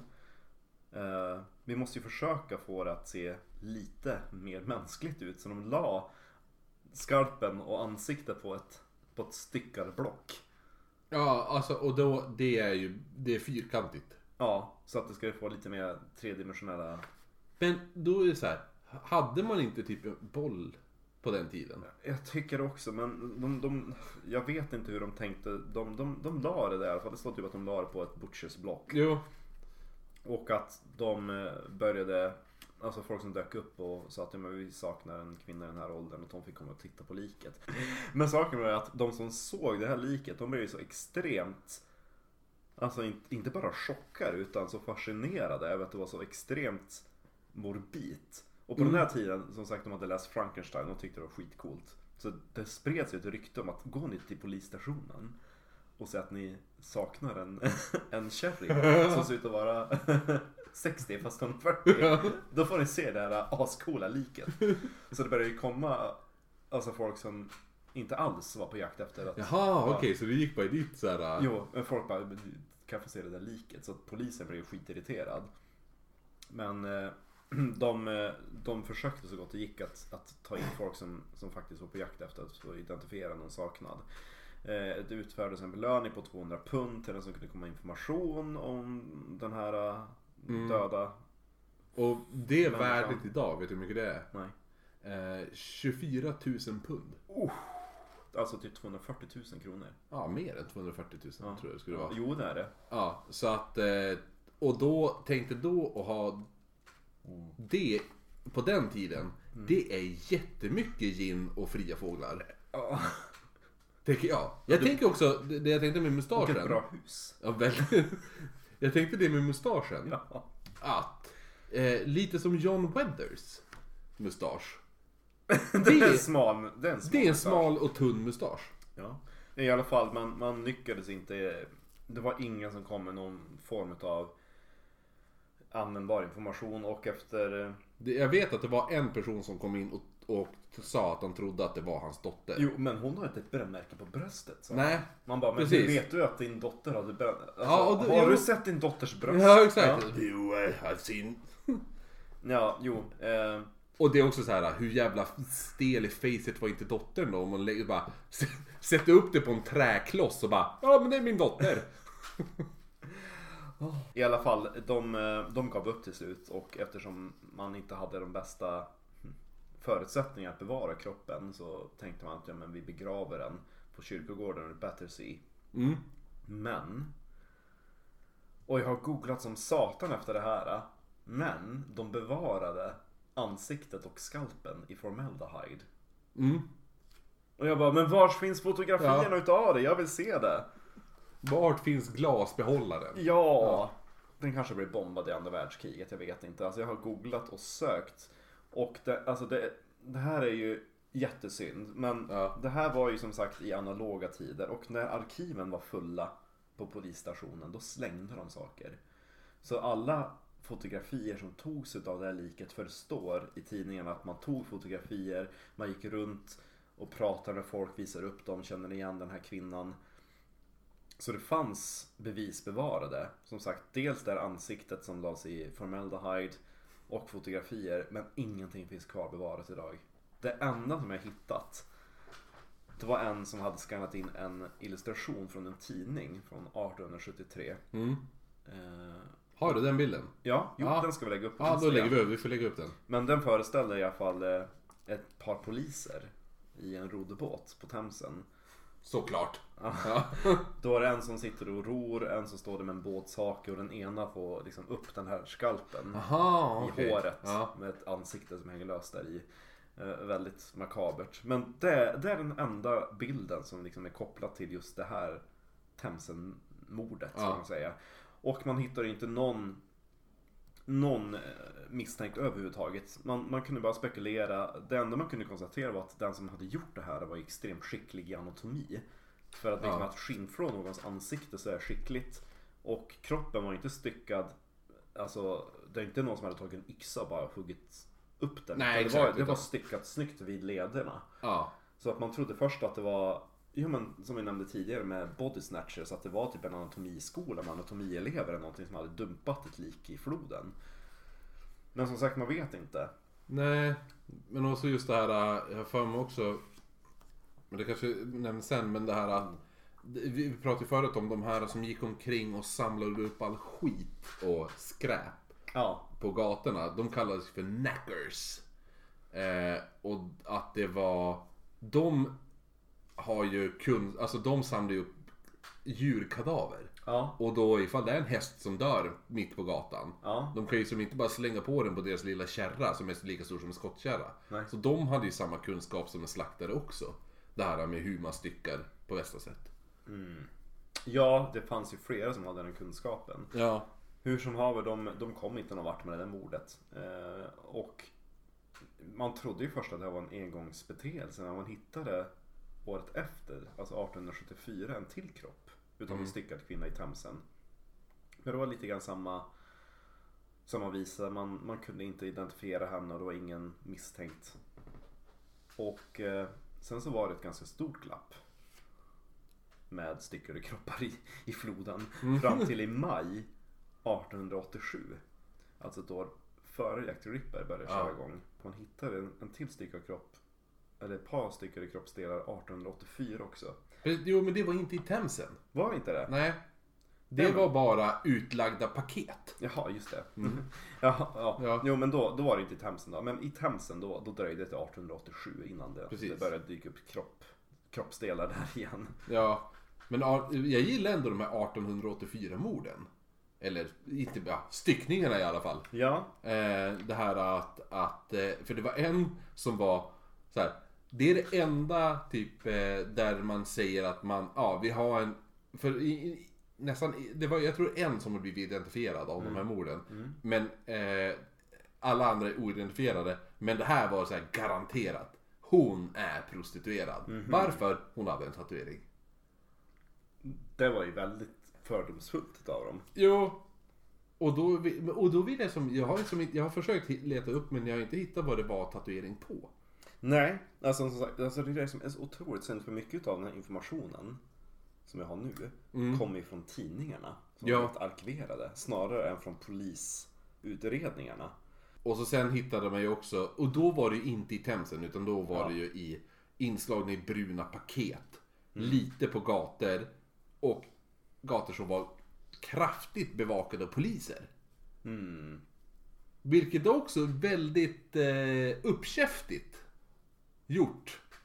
Tycker jag. Ja, det här är ju också väldigt bra för det här illustrerar ju alla de här morden. Att det som senare kom 1888 i Whitechapel inte var egentligen en ovanlighet. Eh, Det kan man ju lätt tro idag för liksom utav alla de här morden som jag har nämnt nu så, så är det bara typ Jack the Ripper man känner till. Eh, Alltså Themsen-styckningen och alltihopa det det är väldigt få personer som, som vet vad det handlar om. Men det är också, jag tycker som vi pratade om, tid, när vi pratade om tidigare idag när vi träffades, var ju lite det här att Alltså Themsen-morden tycker jag är nästan mer intressant. Det finns mindre att gå på där än Ja. Jack the Ripper. För Jack the Ripper, ja, som sagt vi kommer till det. Men 1887, då var det Themsen igen va? Ja, Ja. jo precis. Eh, och då hittar man en styckad kropp vid flodbanken. Någonstans längs Themsen. Ja, ja, i centrala London någonstans. Då hittar man en torso utav någon mördad människa, Mm. kvinna. Men varken huvud eller resten av överkroppen kunde hittas och man kunde inte heller bekräfta dödsorsaken utan fallet beskrevs bara som att man hade hittat en död. Mm, no shit. Ja. Men det var ju också då, det var ju här man, det här var, är väl det första officiella The, the Thames Torso Murder. Ja, jo. det- Innan, innan har det bara varit likdelar, men nu vart det... Ja, precis. På riktigt, Det är ja. lite efteråt man har ibland skrivit ihop alla de här... Eh, Var Sherlock. Holmes skriven här? Jo, det var han väl. Ja, så att då kan man alltså, då vart det no shit Sherlock när någon bara hittade död. Ja, Det var då det bekräftade. Det var första gången någon ut, använde det uttrycket. Eh, men senare då den 11 september 1888. Och Mm. nu är vi inne på skräckens höst. 11 september också. Ja, 11 Viktigt september, år. ja. Anna Lind. eh, World Trade World Center. Trade Center. Ja. Jack the Ripper. Precis. Ja. Nej. Eller? Ja. Eller? Jo, 11 september 1888 då hittar man en högerarm och en skuldra i Themsen utanför Pimlico. Som bara ligger ja, ett stenkast nedanför eh, Battersea. Längs med floden. Och det här är ju då alldeles strax efter eh, Mary M. Nichols. Som officiellt är Jack the Rippers första offer. Men det här är ju så pass tidigt. Så Mm. att folk vet ju inte riktigt om det är en seriemördare eller inte. Eh, Nej, precis. Så att det är därför det är väldigt svårt att kunna para ihop morden med varandra. För Och så är det väl lite det här att då kan det verk, verkligen utesluta en copycat. Ja. Ja, för det var så pass tätt inpå ja. För att den här Dear Boss-brevet hade ju inte publicerats här. Nej, och det bossbrevet vi får ju... Det tar vi sen, Ja, men- vi får men- anta att folk inte vet någonting om Jack the Ripper. Nej, eh, men eh, det, så att folk vet ju inte om det och folk kan ju inte ens tänka sig att det finns en ensam person som gör något sånt här. Nej, alltså de är ju så, de är så viktorianska prylar. Jo, jo alla är full på gin också. Så, Ja, det var polisen. man, man kunde i alla fall liksom försöka, alltså alla de här sakerna hade ju ändå en form av connection. Det var att man trodde att den som hade gjort det hade en kunskap i anatomi, mänsklig anatomi. mm, Så att återigen så började man kolla in på vem, vem skulle möjligen kunna ha den kunskapen. Som du sa, en, en, en uh, nacka ja, eller slaktare möjligen. men också var det ju lite det här att vissa började spekulera att det var, som vi pratade om det här med, alltså, eh, att det var, eh, vad ska man säga, så här, läkarstudenter, deras typ prank. Mm. Att de bara skulle typ, bara för skojs skull. Slänga ut en kroppsdel. Ja, slänga ut kroppsdelar och bara Haha, Mm. titta nu. Och då är det lite så här, vad är det för fel på läkarstudenter? Ja. Men det här hänger ju över ett tag också för, för de här Themsen-morden som vi ändå har bara pratat om nu. De pågår ju efter de här fem morden som är tillskrivna Jack the Ripper. Så året efter, Mm. sommaren efteråt, då hittar man en till kropp i Themsen. En huvudlös kropp. Som slutligen identifieras som Elizabeth Jackson. Som är en hemlös frifågel ifrån Chelsea. Och eh, Wrong place at the wrong time. Ja, jo, och det var ju som sommaren året efter men eh, senare den hösten 1889 på dagen nästan, ja det var 10 september, nästan på dagen då ett år efter den här Pimlico kroppen. Då hittar, Alltså, man, ja. då hittar man en till huvudlös kropp. Men jag tänkte hon den här Elizabeth Jackson. Ja. Hon måste ju ha haft väldigt specifik kroppsform och just för att utan huvud så lyckas man sen ändå identifiera henne. Hon måste ju ha haft jävligt speciell... Det kanske var en stammis. Som Ah, henne. exakt. Alla är bara yes I've been with her. I recognize that booty anyway. Eh, jo, och 10 september 1889. eh, ja, nästan på årsdagen efter Pimlico-kroppen. Då hittar man en till huvudlös kropp. Nära Pimchin Street i Whitechapel. Och det enda man lyckas konstatera att mordet och den här styckningen utav liket hade skett någon annanstans och varken mördare eller kropp identifierades. Och som sagt, alla de här morden är ju väldigt makabra. Det är inte så att det är någon som har gjort det för att snabbt bli av med någon. Nej. Lite grann typ sådär att jo men nu har jag, nu har jag haft min fria fågel men jag vägrar betala. Och så bara klubba ihjäl och sticker. Ja, jo precis. Det är typ såhär hit and run. Mm. Det här är någon som har verkligen tagit sig tid. Och eftersom det är sällan att de hittar huvudena så antar man att de har begravits någon, annan, någon annanstans för att förhindra att man har, ska kunna identifiera liken. Antar man. Mm. Eller att personen har souvenirat dem. Mm. Eller vad man ska säga. Mm. Men det, det, det... För det här är ju det som kallas... För, för det finns process killer och så finns det product killers. Mhm. Och process killers är ju så- sådana som njuter av själva då processen. Ja. Att själva, själva dödandet. Ja. Det de säkert torterar mycket. BTK var ju en sån. Ja. Bind, torture, kill. Dennis, eh, Dennis Rader. Eh, han var ju, en- han var en process, tydlig process killer. För han gillade och själva utförandet, Ja. själva mördandet. Men Jack the Ripper och den här mördaren eller mördarna, för, eh, med tanke på att det är stri, eller utspritt ö- från 73 fram till, vad är det, 89. Så i- in, ifall vi utgår efter, så- efter, om vi utgår från att Jack Ripper är en person och sen de här morden, då finns det en möjlighet att det var tre mördare samtidigt i här i, alltså seriemördare. Det är extremt eh, osannolikt att Jack the Ripper skulle härja vid Battersea. Precis, och så under de här åren också. För man måste också komma ihåg att Battersea, bara för att liket flöt i land där, då Det betyder betyder det inte att det är mördat där. Nej. Nej, att den, den, måste, den kan ju bli dumpad längre upp för floden också. Precis. Men också just det här, för de är, det här är ju product killers. Det här är ju eh, någon som tar saker. Någon som, nå, mörd, själva mördandet går snabbt. Få bort själva mördandet på en gång så snabbt som möjligt så man kan använda sig av Liket. liket. Eh, till exempel en eh, väldigt känd sån är ju till exempel eh, Jeffrey Dahmer. Som eh, eh, mördade homosexuella män i, i USA. Där en gång på, jag tror det är 80-talet. Eh, 70-80-talet. Eh, han, eh, när polisen hittade typ eh, styckade könsdelar i hans kyl. De hittade även väldigt många fotografier där han hade poserat eh, styckade kroppar i olika vackra ställningar. För att då kunna njuta av produkten av. Och det är därför det heter product killers. Ja. Vilket Jack the Ripper är. Till exempel att han tar eh, njure och tar livmoder Mm. s- et- etc.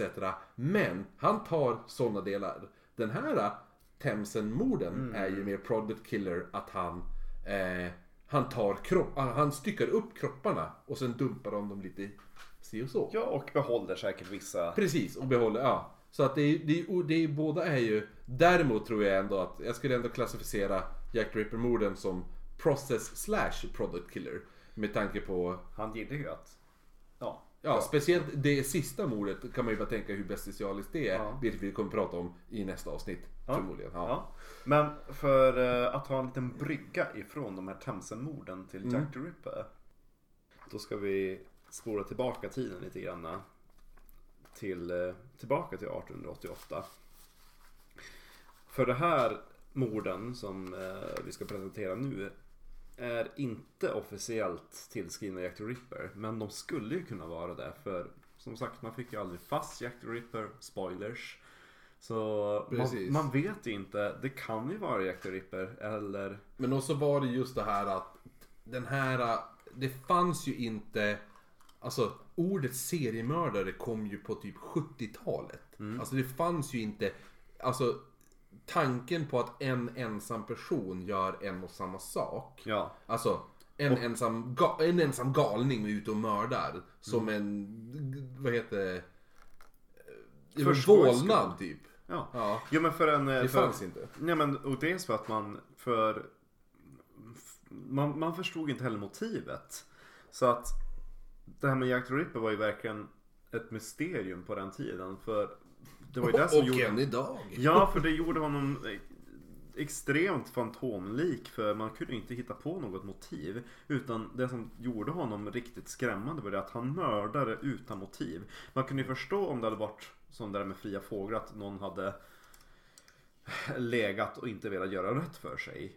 Och, och den här prostituerade hade ja men din jävel och typ så här, liksom gjort motstånd eller någonting. Och så hade det blivit en dispyt, man hade slagit ihjäl varandra. Eller någonting. Men och så just det här impotens var ingenting man pratade om på den tiden. Ja, det, ja, men vi kommer prata så mycket mer om Jack the Ripper ordentligt i nästa avsnitt. Det kommer bli ett eh, riktigt eh, fläskigt avsnitt. Saftigt tänkte jag säga. Fläska på. Fett. Men nu ska vi tillbaka till den 3 april. Den 3 april 1888. Skräckens vår då, kanske man får säga. Då var det en kvinna vid namn Emma Elizabeth Smith. Precis, eller Emma Smith var det väl? Ja, jo, ja. Alla hette Elizabeth på den tiden. Och. Smith. Ja. Alltså ett brittiskt namn. Då, då har Och man Mary. Mary. Mary. Ja. Som domaren i, i Hela England bakar. Ja, Mary. precis. Ja, jo. Ja, jo, men hon, hon var den här Emma Smith. Hon var född 1843. Så hon var ju i 40-årsåldern. Men såg ut som 60. och hon prostituerat i Spitalfields. Hashtag såg ut som 60. 40 is new 60. Hon var en, en fri fågel i Spitalfields. Eh, I London då, obviously. Och Spitalfields för att eh, återigen orientera oss i, i London. Är grannområdet till Whitechapel. Mm. Och det dummaste namnet någonsin. Spitalfields. Spittersfield! Jag vet inte. Och Spitalfields har ju cockney. Jag- Alltså all, direkt jag skulle börja p- prata cockney så bara! Alltså det är Oj, så. i cockney english. Ja, What det, you doing over there? Ja, Men alla i, jag tänker att alla i Whitechapel pratar så här. Hey, what you doing over there? Wait, wait, wait, wait, wait. oh, you know when I went home to my missus. Ja. She had a free bird. Oh, fan vad skönt att komma hem till sin missus. Och hon bara, hey, got a free mood. Plus att hans fru pratade så också. Hon var ju 40. Hon såg ut som som 60. Inte undra på att han gick till de fria fåglarna. Exakt. Ja, ehm, och i alla fall. Och uh, Spitalfields var inte mycket bättre än Whitechapel. Så den här tisdagen den 3 april. Då råkade Smith hamna i en misshandel. Och hon blev rånad vid korsningen till Osborne Street och Brick Lane. Men hon lyckades i alla fall ta sig tillbaka till sin lodging house på 18th York, jag säga, 18th George Street. Och eh, om man nu bor i London, tänk om vi har, tänk om vi har Londonsvenskar som lyssnar på oss. Ja, ah, gud. Är man i London då måste man verkligen. Ja. Eller England överhuvudtaget. Något så här. Storbritannien. Europa. Nej. Ja, ja. För London är ju Sveriges femte största stad, om det vore en svensk stad. Precis. I förhållande till, ja, jo. Eh, den, den gatan heter numera Lolworth Street. Vad hette den? Lolworth Street. Lolsworth Street Aha. ser jag att det står. Laughing out loud street. Dubbel LOL. L. Ja, Lolsworth Street. I, eh, ja. Och när hon kom hem dit så blev hon då mottagen utav eh, The Landlady, fastighetsägarinnan, Mary Russell. Mm. Och Som jag sa, Och, eh, Mary. Emma berättar ju då för, för Mary. Hon, Emma berättar för Mary att hon hade blivit överfallen av två eller tre män. Jag gillar att hon inte kan räkna. Nej, exakt. För man minns väl man blev... Ja. Ja. ja. Den, eh, den hon kunde... Ja, det hon kunde liksom säga mer utförligt var en utav dem var en, en yngling i tonåren. Typ 13 bast. Vet inte, kanske Nej men jag 16, tänker, 17. ja men det är så jag vill tänka mig. Mm. Ja, typ målbrottet. ja, jag tror Ge mig pengar och jävla fågel! Typ så. Ja. Mary hjälpte i alla fall Emma till, till närmsta sjukhus där man, där man vid undersökningen fastställde att det var ett trubbigt föremål. Som hade förts in i Emmas vagina så pass hårt och djupt att bukhinnan hade spruckit. Mm. Och resulterade i en bukhinneinflammation som tog livet av henne dagen efter.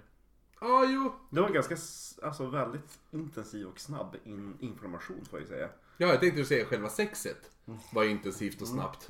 Och framförallt stort. Min teori om att den här ynglingen fick inte upp det. Ja, så han körde in en liten... eh, Jo men jag tänker att Emma står där liksom mot husväggen och bändar över. Va, kom under! Ja, de andra bara, men sätt på dig då, för fan, sätt, kom igen då. Han bara, Alltså- ja men vänta då. Åh, jag försöker. Så får han inte upp den så bara, men kom igen sätt på den snabbt då. Ja men sätt på mig nu för fan. "Ja, Okej då, så tar han bara en typ här, bordsben och så bara, ja, ja, jävlar, ja just det. Tyckte om det då? Och så sen sticker han, tar pengarna och springer därifrån. typ så.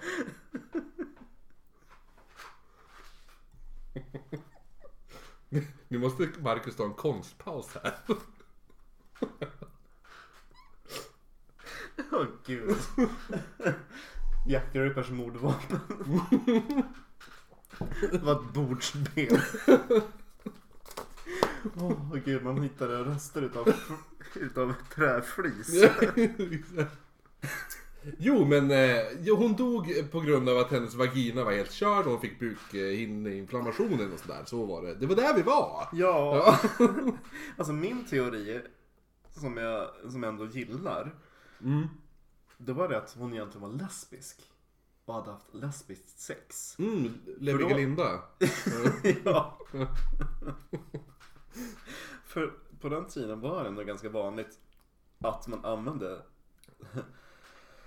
Bordsben. Men gud! Nej. Ja, Nej! Okej. För att det var storspel! Ja. Var batonger. Nej. Ja, vad skulle du säga? Gud. Jag behöver den här ginen. känner jag. Mm. Det är tur att det är en vecka till vi ska spela in nästa avsnitt. Gud. Ja, det var lesbisk teori. Varför? Varför? Ja, eh, ehm, jag vet inte om det är fler än jag som har sett eh, Gentleman Jack på HBO. Eller BBC. Nej, jag har inte sett den, men däremot har jag sett... Eh, nej, jag har inte sett. Jag har spelat spelet Gentleman Jack. Aha. Finns det ett sällskapsspel som heter Ja, Gentleman Jack handlar ju, är baserat på dagböckerna utav Anne Lister. Som var en, eh, en eh, adelsdam i Yorkshire. I, inte i, typ kring den här tiden, typ 50 år tidigare. Hon dog typ 1840. Mm. Ish. Och det som är så berömt med henne var att hon skrev dagböcker om hur hon hade lesbiskt sex. Ooh. Och hon skriver i någon av sina dagböcker om hur andra Är det här brittversionen av Selma Lagerlöf? eh, mer explicit. Är båda var lesbiska och författare? Nej men eh, Ja. eh, Ann Lister som skrev den här, hon var också väldigt eh, väldigt bildad och i, hon hade massor med erfarenhet från obduktioner och sådana saker. Hon har, hon har skrivit i någon av sina dagböcker eftersom hon eh, levde i en gömd lesbisk värld så hade hon insikt i massa sådana saker. Och hon skrev i något kapitel, om jag inte helt misstar mig, att det var någon gång vid så här lesbiskt sex Mm. då det som de använde som typ dildo var ju typ någon sån här trägrej. Det var det? Ett bordsben som fastnade i eh, den här arma lesbiska kvinnan och fick åka in till någon doktor och få den bortopererad. Ooh. Så det förde, det förde mina tankar till det här. Och vem vet, kanske kan, det kunde ju varit så. Och att det var därför hon var lite vag, jag tror om det var två eller tre.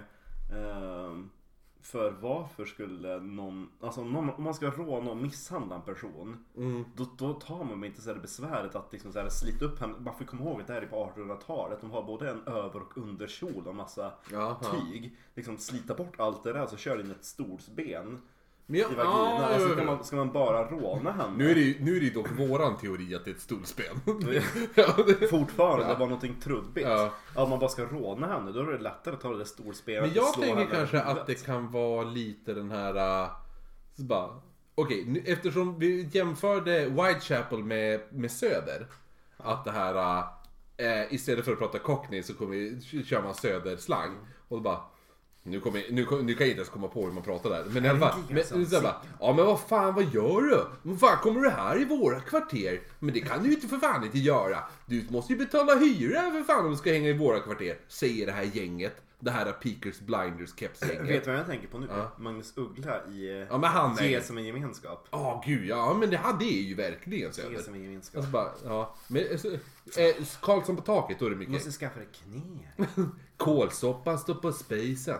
Ja men i alla fall, kommer du här liksom och du ska hora runt på mina gator din jävla fågel. Ja då måste du betala hyra. Och hon bara, nej men jag tänker inte betala hyra vet du. Ja men det måste du göra. Då får, gör du inte det, då jävlar får du veta vad som händer om du betalar. Försök betala, försök knulla nu då. Och så kör de upp någonting i henne. Tänk, jag tänker att det är lite så. Det kan ha varit så också. Ja. Hon kanske var uppkäft i den där... äh, Ja, hon ville inte. Hon vill, jag, jag gillar att jag fortsätter med min söner. Ja, hon ville inte liksom, fattar du? Ah, det är lysande. Ja. Är du Doris? Ja, ja, men ja, jo precis, det är det jag tänker. Lite så här, ja men vad fan. Alltså de, det är gänget. Så här, gängen körde den. Du bara, ska du hora här och du får, du får inte hora, då måste du betala oss. Hon kunde inte betala dem, då bara, ja, försök, ja men försök hora nu då. Och så bara, smash up in the vagina, vajayjay. Ja. Och så sen, då är den förstörd tänkte de. Då kan inte hon gå... Då är det så här, då är hon... Då, måste, då har ju hon lagt in en anmälan om arbetsskada. och, så, och så sen måste ju hon sjukskriva sig en vecka. Minst! Glidmedel var ju ändå inte uppfunnet. Fria fåglars äh, fack. Ja. Fågelfacket. Fågelholk. Det var fågelholken. Åh gud, det är det bästa. Nej gud. Jag måste gå till fågelholk och klaga. Åh gud, jag dör. Med? Ja, jo. Nej men hon dog i alla fall. Vi lämnar henne bakom oss Precis. och går vidare till den 7 augusti samma år. Då var det ett nytt mord på en annan fågel som hette Martha Tabram. Jag tänker Tebron. Ja, jag vet inte om vad hennes ursprung var. Eh, Vi, vi, vi kör en blandning. Ja, och hon var 40. Såg ut som 60. Hon var 39. Så Ah, ja. där kan vi kanske ge honom att hon såg ut som 50 då. ah, ja, ja. Ja, 50. jo, jo. Jag tror att hon var 39 om jag inte minns mig helt fel. Jag kan göra snabb googling på Martha Tabram. Får du bilder kommer du bara oh, såg ut som 60. Ja, jo det finns hennes obduktionsbilder kan vi lägga upp sen också. Ja, vi får köra en, en enstaka obduktionsbilds-feed sen på alla. Jo, eh, hon var född 49. Jo, då var hon, då var hon 39. Det var hon. Hon var fortfarande inte fräsch för sin ålder kan man väl säga. Martha hittades den 7 augusti klockan halv tre på morgonen brutalt mördad. Med 39 knivhugg. Och kvällen därpå så hade Tabram eh, druckit antagligen gin tillsammans Ja, ja. med en Mary Ann Colley. Som sagt, Mary Ann Mary. Alltså, Mary, ja, Mary Mary Ann och allt det där. Det är så jävla vanligt namn. Älskar hennes smeknamn Pearly Paul. Ja, jo, det också. Och det är en av oh, eh, The Rippers offer, Polly. Polly, ja. Ja. Jag älskar att man hade en massa fina smeknamn på folk förut. Jo, för alla hette Mary, Elizabeth eller n- någonting. Ja men Tollis och Ja. ja jo, det, är som när jag gick i, det är som när jag gick i skolan i Holmsund. Alla hette Kristoffer. Ja, jo men de hade suttit där och, och supit kvällen innan tillsammans med två soldater på puben The Angel and Crown. Oh, det är så jävla brittiskt. Ja, The Angel and Crown. Det är alltid typ and någonting annat. Kvart i The tolv balls så... in the sack. Kvart i tolv så drar de vidare så att säga. De tar varsin soldat i armen. Tabram går igenom en smal gränd som eh, sammanlänkar Wentworth Street och Whitechapel High Street. Mitt i natten så vaknar en Mrs Hewitt av att någon ropar citat. Mede! Hon var, hon var tysk. Mrs Hewitt. Mede! Men att folk skriker mörda eller help. Det var alltså små potatis i Whitechapel så det var ingen som brydde sig. Vilket också, vad fan skulle man skrika då? det är såhär. Free shoes! det var det man. Gin! Free gin! Free gin! Eller free beer eftersom det är så jävla dyrt jämfört med gin. Ja, det var, ja, men det var ingen som brydde sig utan det enda som man noterade var att typ klockan tre så var det en, en soldat, PC Thomas Varrett, som En polis? fråg- en polis? En soldat? En soldat? Police Constable är det väl? PC Ja. är väl det? Ja, Polis... det är det. Ja, PC. Ja, Ja, jo, för, jo, jo. För det kommer vara, jag tänker så här, det kommer vara väldigt mycket PC i kommande... Eller var han bara politiskt korrekt? Ja, exakt, det var det. PK Thomas. Det var, det var en väldigt politiskt korrekt man vid namn Thomas Barrett. Nej men, så att folk vet, vi kommer att säga förkortningar på typ, eh, ja. men så här, Detective bla bla bla, det är DCI till exempel. Ja, jo, jo. Och typ eh, PC är ju alltså eh, Police Constable. För nu har vi reopened the case of Jack the Ripper. Nu måste vi använda oss av den Precis. terminologi som han använde. För eh, vi kommer inte sluta den här serien förrän vi har en misstänkt kvar. Ett namn. Eh, jo men vad var det du sa? Police Constable... Eh, PC, PC Thomas Barrett Yes. såg en soldat kring tre på morgonen och frågade vad den här mannen höll på med. Och han sa att ja, men jag väntar på en vän. Vad gör du här då? "Ah, jag väntar på en kompis.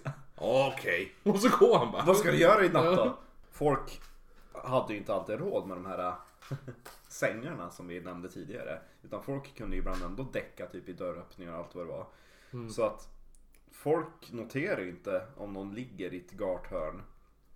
Så det tog ett tag innan man noterade den här kroppen som låg vid gatan. Man trodde först att det var en uteliggare men klockan sex på morgonen då kunde man konstatera att det var eh, Tabram och att hon var död och hade 39 knivhugg i kroppen.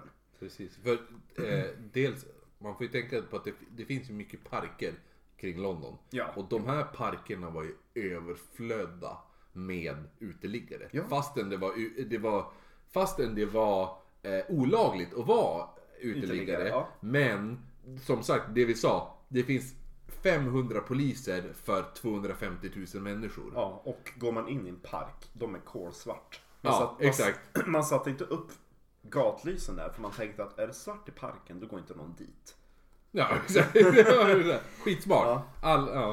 Nej, men så Det var ju så så, det gick för, för eh, Sally Soptunnan. Ja, precis. Hon är hennes träd. Men ja, men så att då är det så här. Så att, så här 500 poliser på 250 000 människor. Och eh, gat, alltså, och det är olagligt att vara uteliggare. Polisen har lite annat att göra än att bara Hör du, du får inte sova här. De tänker väl att hon nyktrar på sig. Speciellt eftersom de flyter upp jävla kroppsdelar i Themsen hela jävla tiden. Ja. Ja, Jag gillar att, liksom, att de tänker också vi har Jack the Ripper att fånga. ja exakt. Kan inte gå runt på... Sluta sov! Ja. Eh, Men det var inte förrän en vecka efter man hade hittat Tabram som hon blev off, liksom formellt identifierad. Det var den 14 augusti då, då tydligen hennes man Jaha. Jag antar att hon har typ flytt bort från honom. Ja, som alla gjorde. jo. Ja. Då, då, då kom han och identifierade henne i bårhuset. Och jag tänkte skriva, för jag tyckte det var lite kul att nämna hur Martha var klädd Mhm. vid tiden för sitt mord. Hon bar en, eh, en svart bonnet på huvudet. Och det var en sån här fin tjusig hetta. Hett, ja. Ja. Och jag tror faktiskt att det heter bonnet på svenska. Jaha. Ja.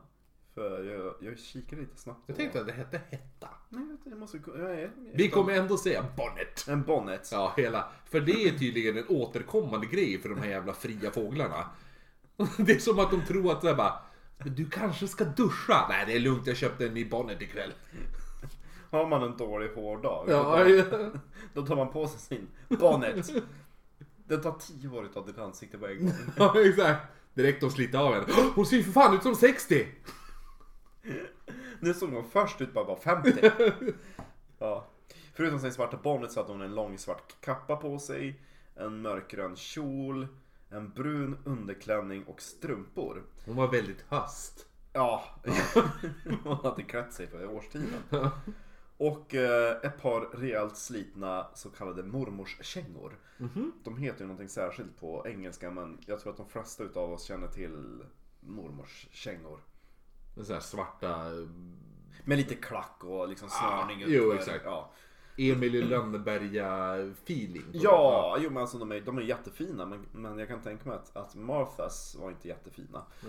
Eh, och hon var en ganska kort kvinna. Hon var 1,60 centimeter. Eh, och vid den här tiden så var genomsnittet för kvinnor 166. Så hon var lite kortare än genomsnittet. Och eh, Du och jag hade stått ut som... Gud vad vi hade stått ut. vi hade inte kunnat gå där. Nej. Vi hade inte kunnat gömma Vi hade ju kunnat känna igen varandra på väldigt långt avstånd i alla fall. Ja, Hallå! Hallå! Scotland Yard hade vi hyra oss på en gång. Ja, exakt. Do you want to be undercover? Okay! Hello! We need people who can blend in. För folk som inte förstår så är vi eh, 1,90. Ja. Ja. ja, vi är inte några pygméer. Nej, exakt. Inga hobbits. Inga Fridas. Nej, det var det jag skulle säga. Vi är inga hobbits som Frida. Alla är både äldre och längre än Frida. Ja, exakt. Ja, eh, det är lite lustigt för, för det här mordet är inte riktigt vad man ska säga, alltså det är inte ett något mord som man kan säga är i Jack the Rippers stil. Vi kommer att beskriva hans mord lite mer ingående. Men för att bara göra en liten kort jämförelse. Jack the Ripper mördade ju med finess. Och här var det liksom 39 knivhugg. Det var ju någon som typ i, i vredesmod eller liksom i varit väldigt, vad ska man säga, kanske impulsiv Ja. också. Som hade gått lös på Martha. Det fanns inte någon fin- finess överhuvudtaget utan han hade liksom 39 knivhugg. Då vet man att den personen är, död. Ja, Sen. väldigt ilsken känns det. Men det är väl det som är grejen också som, alltså nu har väl de flesta experter avstrukit det här. Eh, men det eh, finns en fin eh, jämförelse om man tar till exempel John Wayne Gacy. Seriemördaren som oftast blir förknippad med en clown. Som, eh, är, som mördade 33 personer om jag inte har fel. Eh, hans första mord var ju en ren olycka. Jaha. Eh, för han hade, han var ju closet homosexual. Åh. Och tagit hem en ung pojke. Haft sex. Eh, pojken stannade kvar för natten. John McGacy vaknade. Ensam i sin säng. Går ner på nedervåningen. Stöter på den här ungdomen med en kniv. Och tänker shit, han ska rånmörda mig. Ja. Eh, får panik, mördar den här pojken. Visar sig att killen hade en kniv för att han höll på att fixa frukost åt John McGacy. What? Ja. Men gud. Ja, och det var ju en ren och skär impulshändelse, olyckshändelse, bla bla bla. Så så. Men det här tände en gnista. Vilket gjorde att han mördade 32 unga pojkar till. Eh, och begravde dem i, under sitt hus. Typ. Eh, men eh, i alla fall, eh, John McGacy skulle jag kunna prata om i fem timmar. Eh, men vi ska skippa... eh, Vi ska ta någon annan mör- seriemördarkväll. För jag minns det var någon annan som var liknande i eh, London. Som höll på att mörda unga Ja, homosexuella. Alltså i England överhuvudtaget. Fred and Rosemary West är väl eh, från England. Eh, men, men i alla fall. Nej men så att, och då är det så här. Hans första var ju rent impulsmord. Eh, och, och det är likadant om man tar till exempel, eh, som vi pratade om, så här, Process Killer och, och eh, Product Killer, det här med Jeffrey Dahmer. Att Jeffrey Dahmer var ju att han, han började experimentera sig fram hela tiden. Ja. Eh, och att han snäppade upp steg för steg för steg för steg. Och att det är ju samma sak här också. Det här kan ju också varit ett steg innan tills nästa och där hitta sin, vad man ska kalla så här. Genre. Ja precis, exakt. Den här, Stil. Ja, eller så här bara, nej men nu har jag verkligen hittat mitt rätta jag. Sen så kan det ju också vara så här att om man Som sagt, man kan ju inte helt avskriva det här från Jack the Ripper eftersom man inte fick fast någon mördare. Och om vi ska tänka oss, om vi ska hitta på ett case där vi ska säga att jo, men vi ska bevisa att det här är Jack, eller liksom hitta starka kopplingar. Då kan vi också ta att, att Jack the Ripper bör då ha läst om The Thamesen Murders. Om hur de stock, liksom styckade de här kropparna och dumpade dem i Precis. floden. Men nackdelen var ju att det var inte så jävla väl dokumenterat i tidningarna.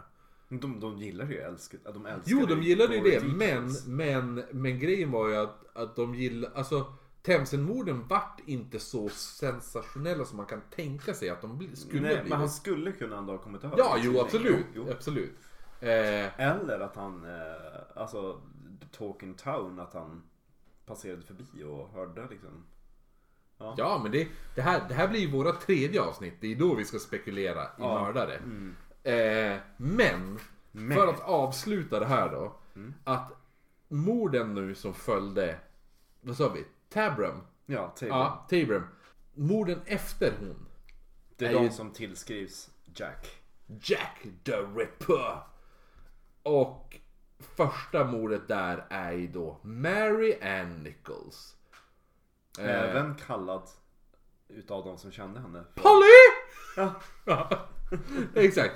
Men, och så som sagt, Mary Ann. Alla hette Mary Ann Elizabeth eller något sånt där. Och de Eh, bara Oh, not the Mary. Ja, exakt. But we're going to call you Anne. Oh, we know so many Anns too.